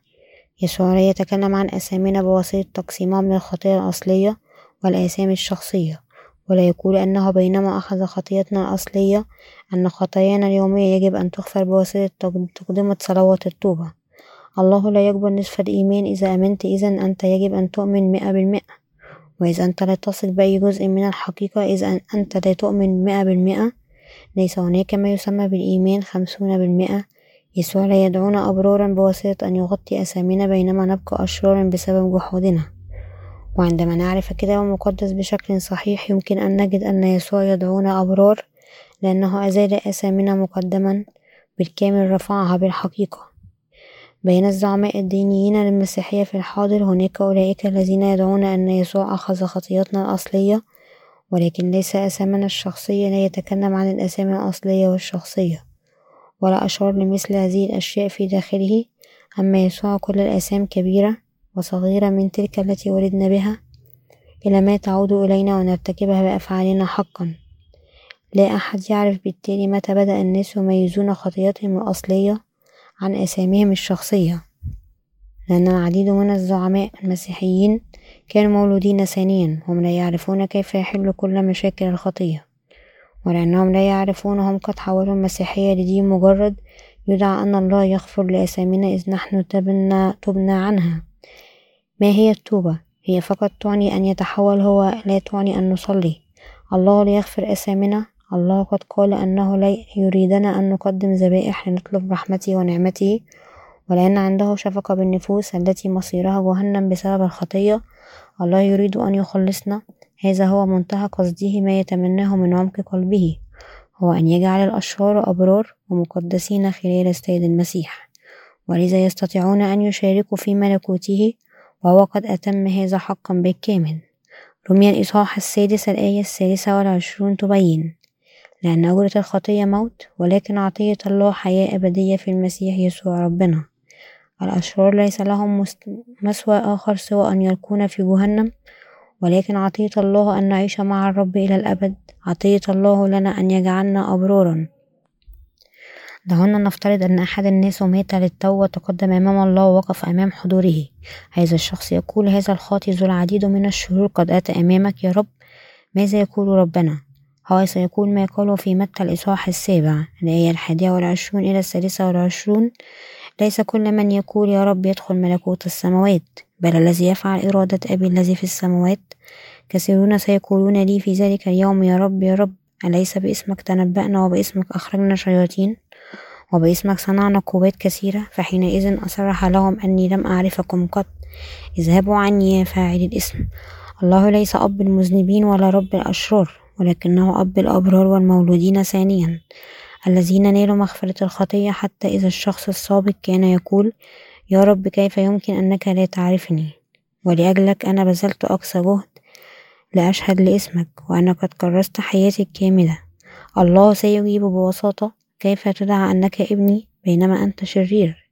اذهب إلى جهنم أنت فاعل الشر أولا الأولوية للمذنبين أن ينالوا مغفرة آثامهم بواسطة الإيمان بالكلمة الآن. هذا هو أكثر الأمور استعجالا. كيف نجمع المذنبين الذين لم ينالوا مغفرة الخطية في كنائسنا وبعد ذلك ندعوهم كقديسين. أين على هذه الأرض يمكن أن يجد أحد قديس خاطئ؟ الأشرار ليسوا قديسين لكنهم ببساطة مذنبون. يعلن الله في هوشع أربعة ستة. الإصحاح الرابع الآية السادسة قد هلك شعبي من عدم المعرفة. أنت رفضت المعرفة أرفضك أنا حتى لا يتكهن لي ولا إنك نسيت شريعة إلهك أنسى أنا أيضا بنيك. معرفة الله هي أساس المعرفة ومع ذلك البشر لا يمكن أن يقرأوا رأيه ولا تنازلوا عن معرفتهم الخاصة التي بنيت مثل برج بابل لكنهم يكرسون جهود أكثر إلى أفعالهم الخاصة وأعمالهم. لهذا الله يقول أنا لا أعرفكم. نحن يمكن أن نكون أبرارا بواسطة الإيمان بشكل طاهر في الكلمة مئة بالمئة. نحن يجب أن يكون عندنا الإيمان الذي يؤتمن كل شيء بالكامل إلى الله. قائلا أنت يمكن أن تطهرني إن إيمان التقديس التزايدي المدعو الذي يدعى أن الله يطهرنا بشكل تدريجي في خطوات ليس إيمان الخلاص الحقيقي. إيمان السيد المسيح لا يكون بواسطة ممارسة دينية مجردة التي خلالها نحن يمكن أن نصل لخلاصنا بواسطة جهودنا الخاصة. والتدريب الأخلاقي مثل تأكيد البوذية على الطيبة والرحمة ولكنه بواسطة خلال النعمة النازلة من فوق بدون جهودنا الخاصة. كما أن المصاب بداء الجذام قد شفي في اللحظة بواسطة الحب وقوة ربنا. نحن أيضا يمكن أن نخلص من أسامان قلوبنا بواسطة هذه الحب وقوة الرب. عندما ربنا شفى المصاب بداء الجذام قال له فقال له يسوع انظر أن لا تقول لأحد بل اذهب أري نفسك للكاهن. وقدم القربان الذي أمر به موسى شهادة لهم. القربان الذي أمر به موسى يشير إلى حمل الله. لوين الإصحاح الأول الآية الأولى إلى الرابعة. قال ودعا الرب موسى وكلمة من خيمة الاجتماع. كلمه من خيمة الاجتماع قائلا كلم بني إسرائيل وقل لهم إذا قرب إنسان منكم قربانا للرب. من البهائم فمن البقر والغنم تقربون قرابنكم إن كان قربانه محرقة من البقر فذكرا صحيحا يقربه إلى باب خيمة الاجتماع يقدمه للرضا عنه أمام الرب ويضع يده على رأس المحرقة فيرد عليه للتكفير عنه. نحن يمكن أن نرى من آية اتنين أن القربان الذي أمر به موسى من البهائم أما, أما البقر أو الغنم بعدما أعطى ناموسه للبشرية الله بين لهم الخيمة لكي يمكنهم أن يدركوا أنهم كانوا مذنبين خلال النظام القرباني للخيمة. وهو علمنا كيف نقل ينقل كل أسام شعب إسرائيل أسامنا أيضا للحمل القرباني. الله أحبنا ويخلصنا من أسامنا وأعد الذبيحة التي كان يجب أن تموت بشكل مفوض. هذا هو الحمل القرباني. عندما يضع الكهنة أيديهم على رأس المحرقة تقبل التقدمة بواسطة الله وهذه التقدمة إذا تفدينا. عندما يستلم الناس وضع الأيدي من أحد أن يمتلكه الشيطان هم أيضا يصبحون ممتلكين للشيطان. وضع الأيدي يعني أن ينقل عندما رئيس الكهنة يضع أيديه على رأس التيس فإن أسام إسرائيل تعبر إلى رأسه. دوين الإصحاح السادس عشر الآية الحادية والعشرون. كيف نلنا مغفرة أسامنا نحن يجب أن نشهد لهذا أن دليل الخلاص يجب أن يطلب فقط بالكلمة وأنه لا يختبر بواسطة دليل الرؤى والنبوة أو التكلم بالألسنة. إنه فقط بكلمة الله أننا يمكن أن نبرهن كيف نحن.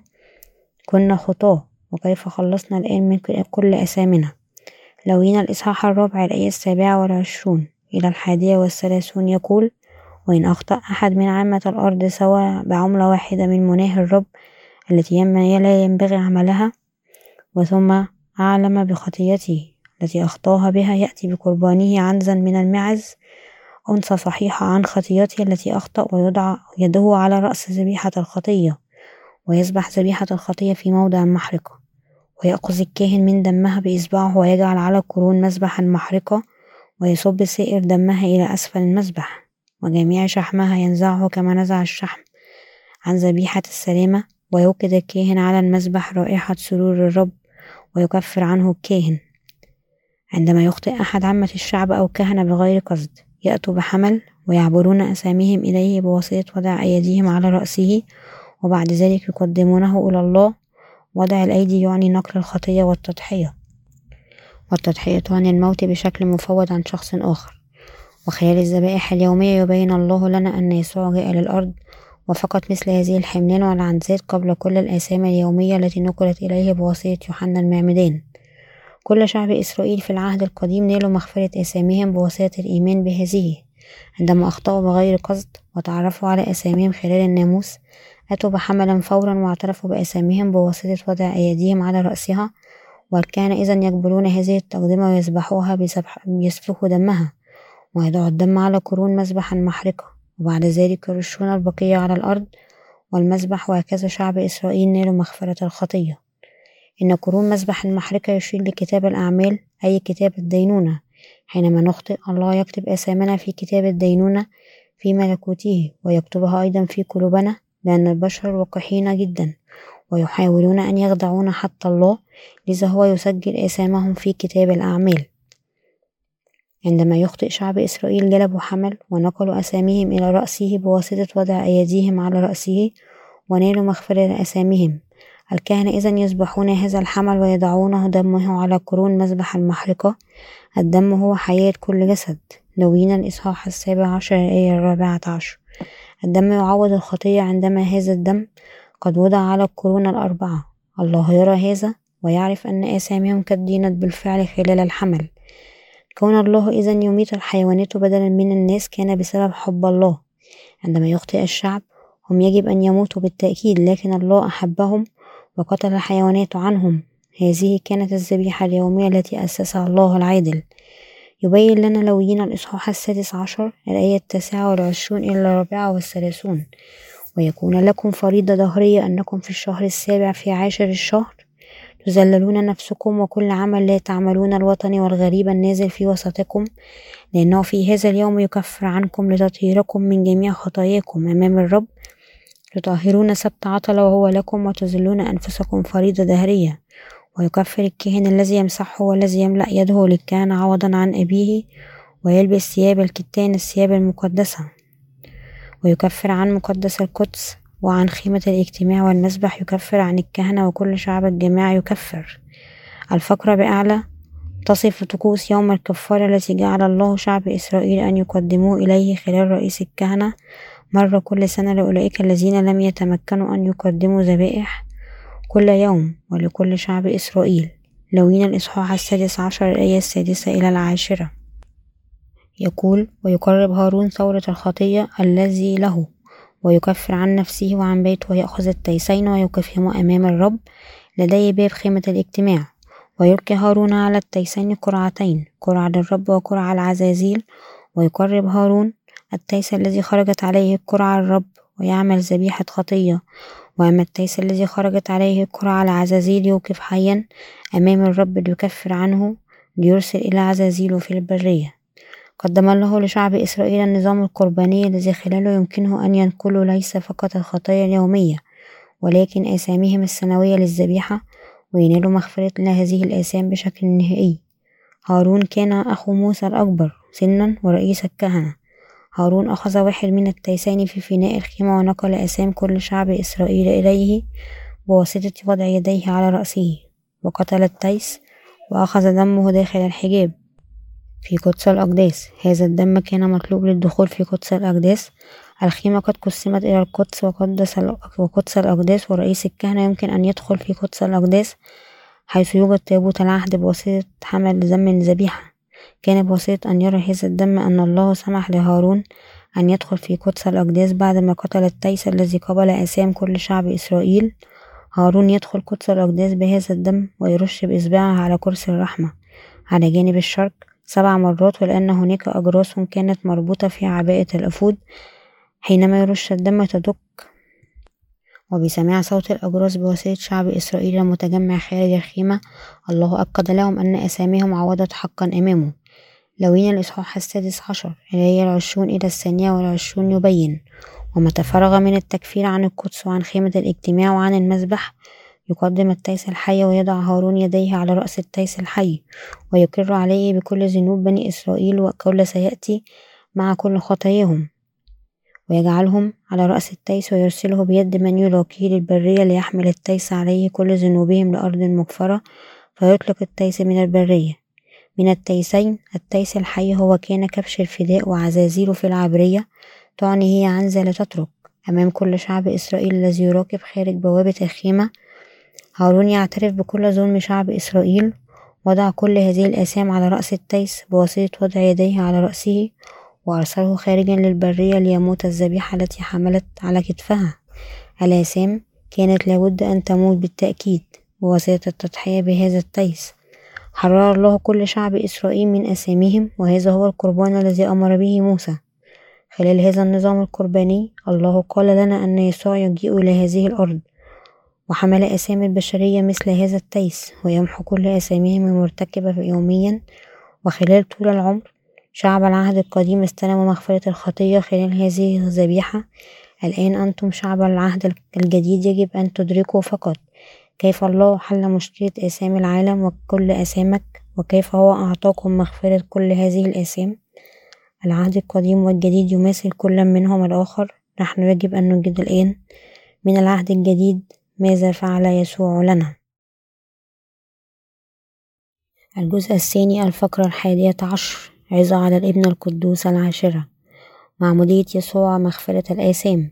لوقا الإصحاح الأول الآية الخامسة إلى السابعة عشر.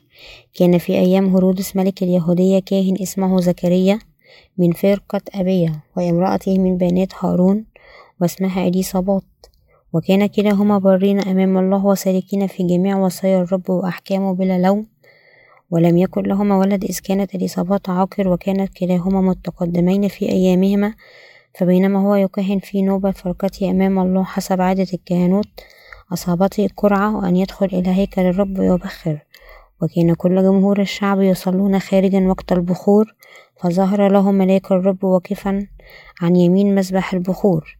فلما رآه زكريا اضطرب ووقع عليه خوف فقال له الملاك لا تخف يا زكريا لأن طلبتك قد سمعت وأمرأتك إليصابات ستلد لك ابنا وتسميه يوحنا ويكون لك فرح وابتهاج كثيرون سيفرحون بولادته لأنه يكون عظيما أمام الرب وخمرا ومسكرا لا يشرب ومن بطن أمه يمتلئ من الروح القدس ويرد كثيرين من بني إسرائيل إلى الرب إلههم ويتقدم أمامه بروح إيليا وقوته ليرد قلوب الآباء إلى الأبناء والعصا إلى فكر الأبرار لكي يهيئ للرب شعبا مستعدا. من هو يوحنا المعمدان؟ الله أرسل ابنه يسوع كالواحد الذي يخلص شعبه من آثامهم. متى الإصحاح الأول الآية الحادية والعشرون ليأخذ آثام البشرية. خالق الكون نفسه تجسد خلال مريم العذراء وجاء للأرض وحمل التضحية بدأت خدمات يسوع بمعموديته عندما صار يسوع ثلاثون سنة. هو عمد بواسطة يوحنا المعمدان من هو يوحنا المعمدان يسوع نفسه شهد أن يوحنا هو ممثل لكل البشرية. متى الإصحاح الحادي عشر الآية الحادية عشر إلى الثالثة عشر يقول الحق أقول لكم لم يكن من المولودين من النساء أعظم من يوحنا المعمدان ولكن الأصغر في ملكوت السماوات أعظم منه. ومن أيام يوحنا المعمدان إلى الآن ملكوت السماوات يغصب ويغاصبون يختطفونه لأن جميع الأنبياء والناموس إلى يوحنا تنبأوا.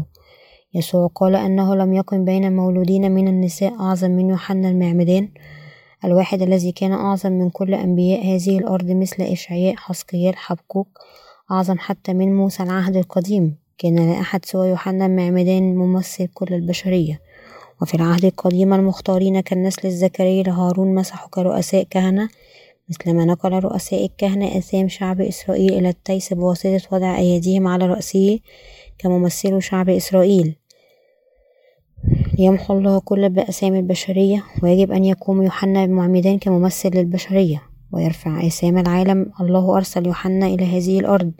كالنبي الأخير ورئيس الكهنة لم يكن أحد سوى يوحنا المعمدان كما تأكد الله أن ينقل آثام الشعوب للعالم فقط خلال نسل هارون. اختار سرير هارون كما وعد يوحنا المعمدان أعظم مواليد النساء وأرسله للعالم. ستة شهور سابقة ليسوع لكي يرجع العديد من الناس ليهيئ للرب شعبا مستعدا. لوقا الإصحاح الأول الآية السابعة عشر.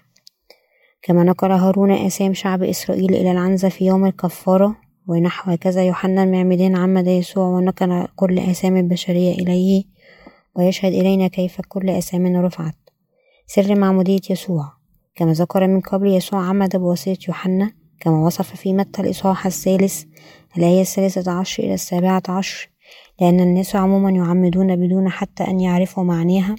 معمودية سلمت بشكل مهما مهما مهمة لكل من يحفظ الوصايا العشر ويعد أن يحفظ يوم الرب ويرغب أن يتعرف على الرب يسوع كمنقذه أولئك الذين يعمدون بفهم واضح للمعنى الحقيقي لهذه المعمودية هم كلة أتى إلى الأرض. يسوع عمد بواسطة يوحنا المعمدان ونحن يجب أن ندرك لماذا هو كان لزاما عليه أن يعمد. نحن يجب أن نسأل لماذا يسوع الذي كان برا لزاما عليه أن يعمد. ولكن أولئك الذين استلموا مغفرة الخطية لا يتشوقون لمعرفة معمودية يسوع ولا يقدرون أن يعرفوها بتاتا. يسوع رئيس الكهنة بملكوت السماوات. يوحنا المعمدان هو الممثل رئيس كهنة كل البشرية. يوحنا المعمدان كان له السلطان أن ينقي الآثام البشرية. ويسوع رئيس الكهنة السماوي قبل كل هذه الآثام التي عبرت إليه بواسطة جسمه الخاص كالذبيحة أمام الله. متى الإصحاح الثالث الآية الخامسة عشر تبين.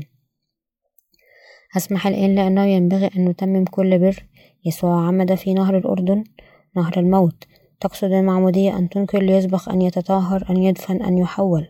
وهو عنده نفس المعنى كوضع الأيدي في العهد القديم ونقلت الآثام إلى الذبيحة عندما الأيدي قد وضعت على رأسها. كل آثامنا عبرت ليسوع عندما يوحنا عمد بكلمات أخرى كان لأن كل آثام البشرية عبرت إلى يسوع أنه دفن بشكل مفوض كذبيحة عن مكاننا قد أدين. كون يسوع جاء للعالم وعمد لينجز كل البشرية أن يغفر لآثام كل إنسان بلا استثناء هل تعمد يسوع لأنه كان متواضعا؟ هذه لم تكن الحالة. تكلم يسوع إلى يوحنا اسمح الآن لأن يسوع جاء إلى هذا العالم ليأخذ آثام البشرية وقال أنت ستنقل الآثام دي وأنا سأقبلها لأنها مهمتي أن أصبح كبش الفداء أمام بصرك ولذا يغفر كل آثامك. بسبب آثامنا نحن مقطوعين إلى جهنم نعذب ونخدع بواسطة الشيطان ولكن يسوع جاء ليخلصنا نحن هذا الشعب ليجعلنا أبرار ويحولنا لأبناء الله. عندما يسوع عمد وصعد من الماء للروح القدس انحدر مثل حمامة وشهد بأنه كان ابن الله أن الروح القدس هو الذي يشهد. وأن يعني أن الله نفسه شهد بأن ابنه يسوع قبل كل أسامي البشرية خلال معموديته ولأن أسامي البشرية نقلت ليسوع في الحقيقة الله يخبرنا أننا أبرار. لو لم يأخذ يسوع الآثام عندما جاء للأرض نحن كنا ما زلنا نبقى كمذنبين بغض النظر عن كم حماس ونؤمن بها. بعدما رفع كل الآثام الله يخبرنا. آمن بالرب يسوع وستخلص أنت وأهل بيتك. أعمال الإصحاح السادس عشر الآية الحادية والثلاثون أنه بواسطة الإيمان ننال حياة أبدية. يوحنا الإصحاح الأول الآية التاسعة والعشرون يقول وفي الغد نظر يوحنا يسوع مقبلا إليه فقال هوذا حمل الله الذي يرفع خطية العالم؟ استمر يوحنا أن يصرخ للناس أن كل آثام البشرية نقلت ليسوع خلال معموديته. أن له أحد سوى يوحنا المعمدان الذي صاح هو ابن الله حمل الله الذي يأخذ خطية العالم. ما هي خطية العالم؟ أخذ يسوع آثام العالم؟ يسوع أخذهم بواسطة معموديته. بعدما حمل آثام البشرية بمعموديته كان يجب أن يقدم حياته على الصليب وأخذ يسوع كل آثام العالم عليه خلال معموديته وآثام آبائنا وأمهاتنا. شعب من العالم كل الآثام التي ارتكبناها خلال عمرنا بدون ذلك الآثام التي نرتكبها بدون إدراك هي آثام العالم. هذه التي عبرت ليسوع خلال يوحنا المعمدان الآثام التي نحن ارتكبناها في سنوات المراهقة أيضا آثام العالم. لكن فقط أولئك الذين يؤمنون بهذه الحقيقة أن يسوع قبل أثامنا خلال يوحنا المعمدان قد غفرها لنا وخلصنا. إذ نحن لا نثق بهذا نحن لا يمكن إلا أن نلقى في جهنم بوابة السماء مفتوحة مسبقا منذ زمن بعيد. ولكن قلوبنا ما زالت لا تثق بالحقيقة. نحن لا يمكن أن نخلص. الناس يذهبون إلى جهنم لأنهم لا يثقون بحقيقة الماء والروح. ولأنهم لا يعرفونها. أخذ يسوع آثامنا كل الآثام التي ارتكبناها سواء في طفولتنا أو صبانا أو في سن رشدنا آثام العالم. وهي كلها نقلت ليسوع ابن الله الذي أخذ عليه آثامنا وآثام كل إنسان بدون أبدا تقسيمهم إلى آثام أصلية وشخصية. هل الآثام التي نرتكبها في منتصف حياتنا وسنوات كبرنا ليست آثام العالم؟ هذه أيضا الآثام التي نرتكبها في هذا العالم لذا يسوع أخذ عليه الآثام أيضا لأن حبه سرمدي وواسع يسوع ما قسم آثامنا لآثام أصلية إذ مات يسوع على الصليب بدون معموديته عندما هو جاء للأرض. إذا موته كان يمكن أن يكون دون جدوى لأننا نحن وثقنا بالرب. وعملنا لأجله نكون أيضا دون جدوى. هل كانت آثام أبنائنا الخاصة تعبر إلى يسوع؟ دعونا نتأكد. إذا أنت ما زلت تبقى أعزب ولكن تتزوج ويكون لك أطفال. آثام أبنائك هي أيضا آثام العالم. وإذا هم أيضا نقلوا ليسوع آثام أحفادك ونسلهم ونقلوا إلى يسوع أيضا. يسوع كفر عن كل هذه الآثام أيضا. إن ضعف البشرية هو أيضا آثام العالم. على أي حال يسوع أخذ عليه الآثام خلال المعمودية وسفك دمه على الصليب. قال يسوع في يوحنا الإصحاح الثامن الآية الثانية والثلاثون وأنتم ستعرفون الحق والحق يحرركم.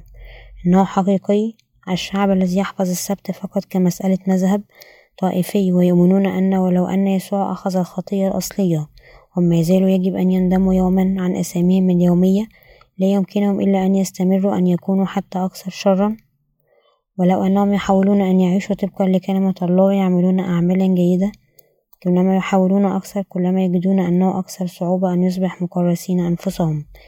في يسوع المسيح نحن متنا مسبقا معه لآثامنا ونحن قد قمنا أيضا معه. ليس هناك شيء آخر الذي أنت وأنا الآن يجب أن نفعل إلا أن نخلص بواسطة الإيمان بيسوع منقذ المذنبين الذي أخذ على نفسه كل آثامنا بمعموديته حمل آثام العالم للصليب ومات عليه والإيمان بهذه الحقيقة بشارة الماء والروح هو الطريق لنستلم حياة أبدية.